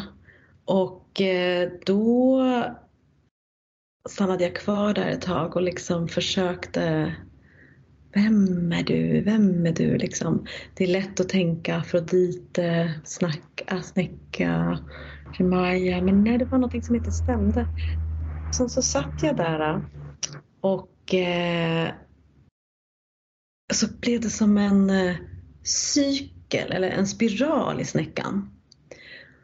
Så var jag så här, okej, okej, okej. Och då mindes jag, då mindes jag en gudinna som kallas ibland för changing woman. Alltså den som förnyar sig själv. Eller alltså Estanalaya på apache eller navajo. Eh, det är alltså en nordamerikansk gudinna som hela tiden ändrar sig. Som hela tiden liksom är i rörelse. En gudom som är i en mjuk rörelse hela tiden. Hon ändrar liksom, i myten så ändrar hon klädnad efter eh, eh årstid. Hon ändrar hårfärg efter årstid. Och hon eh, liksom i myten om henne så hittas hon av en coyote och då så ligger hon liksom på en så här mjuk molnfilt och coyote tar hand om henne. Och hon används vid massa olika ceremonier som handlar om förändring. Och jag skulle säga att när jag satt där och kände den här vattnet, kraften och att det var den här spiralen att hon kom och påminde om att allting kan vara i ceremoni. Alla förändringar. Eh, all, eh, liksom all, alla handlingar egentligen, inte bara förändringar. Hur vi dricker vårt vatten från kranen, hur vi duschar i vatten, hur vi går ner när vi badar. Eh, och att hon liksom är så mjuk i sin eteriska kropp på något sätt. Så jag tänker också att hon dels kommer och påminner oss om det vardagliga, ceremoniella. Men sen också att verkligen dyka djupare i det cykliska. Att verkligen eh, sjunka in i cykler såsom menstruation eller måne eller årstider eller sol. Eh, eller något, något cykliskt som är utanför den egna kroppen. Eh, för att verkligen Ja, alltså jag, jag har ingen aning om hur gammal du är Anna eller någonting men om man tänker så här jag tänker att du kanske inte ska gå in i, alltså i menark. Jag tänker att du har blödigt ett tag. Um, om du har blodet i dig uh, så är det kanske nästa steg som är typ mot en äldre. Kanske det är dags att fundera på alltså perimenopaus eller klimakteriet eller haggan. Att liksom välja den förändringen, att gå in i den förändringen ceremoniellt innan den faktiskt sker. Eh, så för att, att hedra, det cykliska handlar ju om att hedra alla sina processer och vara snäll i sina processer. Och jag upplevde verkligen den känslan i min kropp när jag satt där att gud det här är så snällt. Ehm, och jag ska väl inte spegla för mycket av min eget liv men jag är ju 44 och vet att mitt nästa steg är att jag ska sluta blöda. Och rent metaforiskt och kanske också rent eh, biologiskt. Så att vara snäll i en så stor förändring. Eh, jag tror att det är det som Changing Woman kom för att berätta denna gång. Att honor cycles, be kind to cycles, be in cycles. Mm. Så blev Völvans spådom denna gång. Vad fint. Väldigt vackert.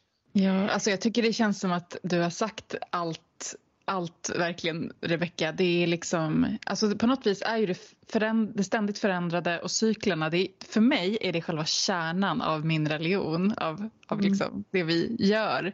Eh, och att det går att göra verkligen i det stora och det lilla och hela tiden. Att liksom är det någonting som vi behöver återvända till och särskilt i ett samhälle som ju liksom försöker leva efter linjär tid och ständig utveckling och ständiga framsteg och aldrig avveckling så är det ju liksom det vi hela tiden behöver komma tillbaks till. Liksom. Kanske köra på det här som, som jag sa tidigare, att eh, inte denna gången. Just Nästa det. gång. Ja, de cyklerna också. Cykliskt. Det ultimate cykliska, inte denna gången. Jag älskar det. Ta bort Gud. lite av den här existentiella ångesten att shit, jag måste hinna med så himla mycket. Precis som du sa Eldin, att, att ja, men vi lever i ett eh, vad heter det, linjärt samhälle där allting ska ge profit och grejer. Men ja, ta det med en klackspark. Kan inte hålla på att stressa upp sig för att man inte hinner med allting. Gud, Alltså, om, det. jag tar med, jag, om det är någonting jag tar med mig från det här avsnittet så är det nog den saken. När du sa det, så, alltså första gången Peter, så gud vad någonting klickade till i mig. Att så här, man kan få tänka så, inte den här gången och att vilken otrolig stress man kan lyfta bort från sig själv. Liksom, med den. Så tack för den. Tack Och- för den alltså. Jag funderar på att jag ska göra som de gamla kelterna nu och kanske fråga om jag får låna lite pengar av er. Jag kan betala tillbaka det i nästa liv. Ja, tusen tack Peter för att du var med. Eh, tack så mycket Anna och Eldin. Vi gjorde ett Vicka-avsnitt som var fantastiskt. Ja, och tack för den här sommaren och snart så ses vi igen bara du och jag Rebecka i en alldeles vanlig poddhöst. Ja, verkligen. Men ha det så jättebra den sista skälvande dagarna av sommaren allihopa och du Peter och du Rebecka. Tusen tack, ha det bra. Hej då! Hej då!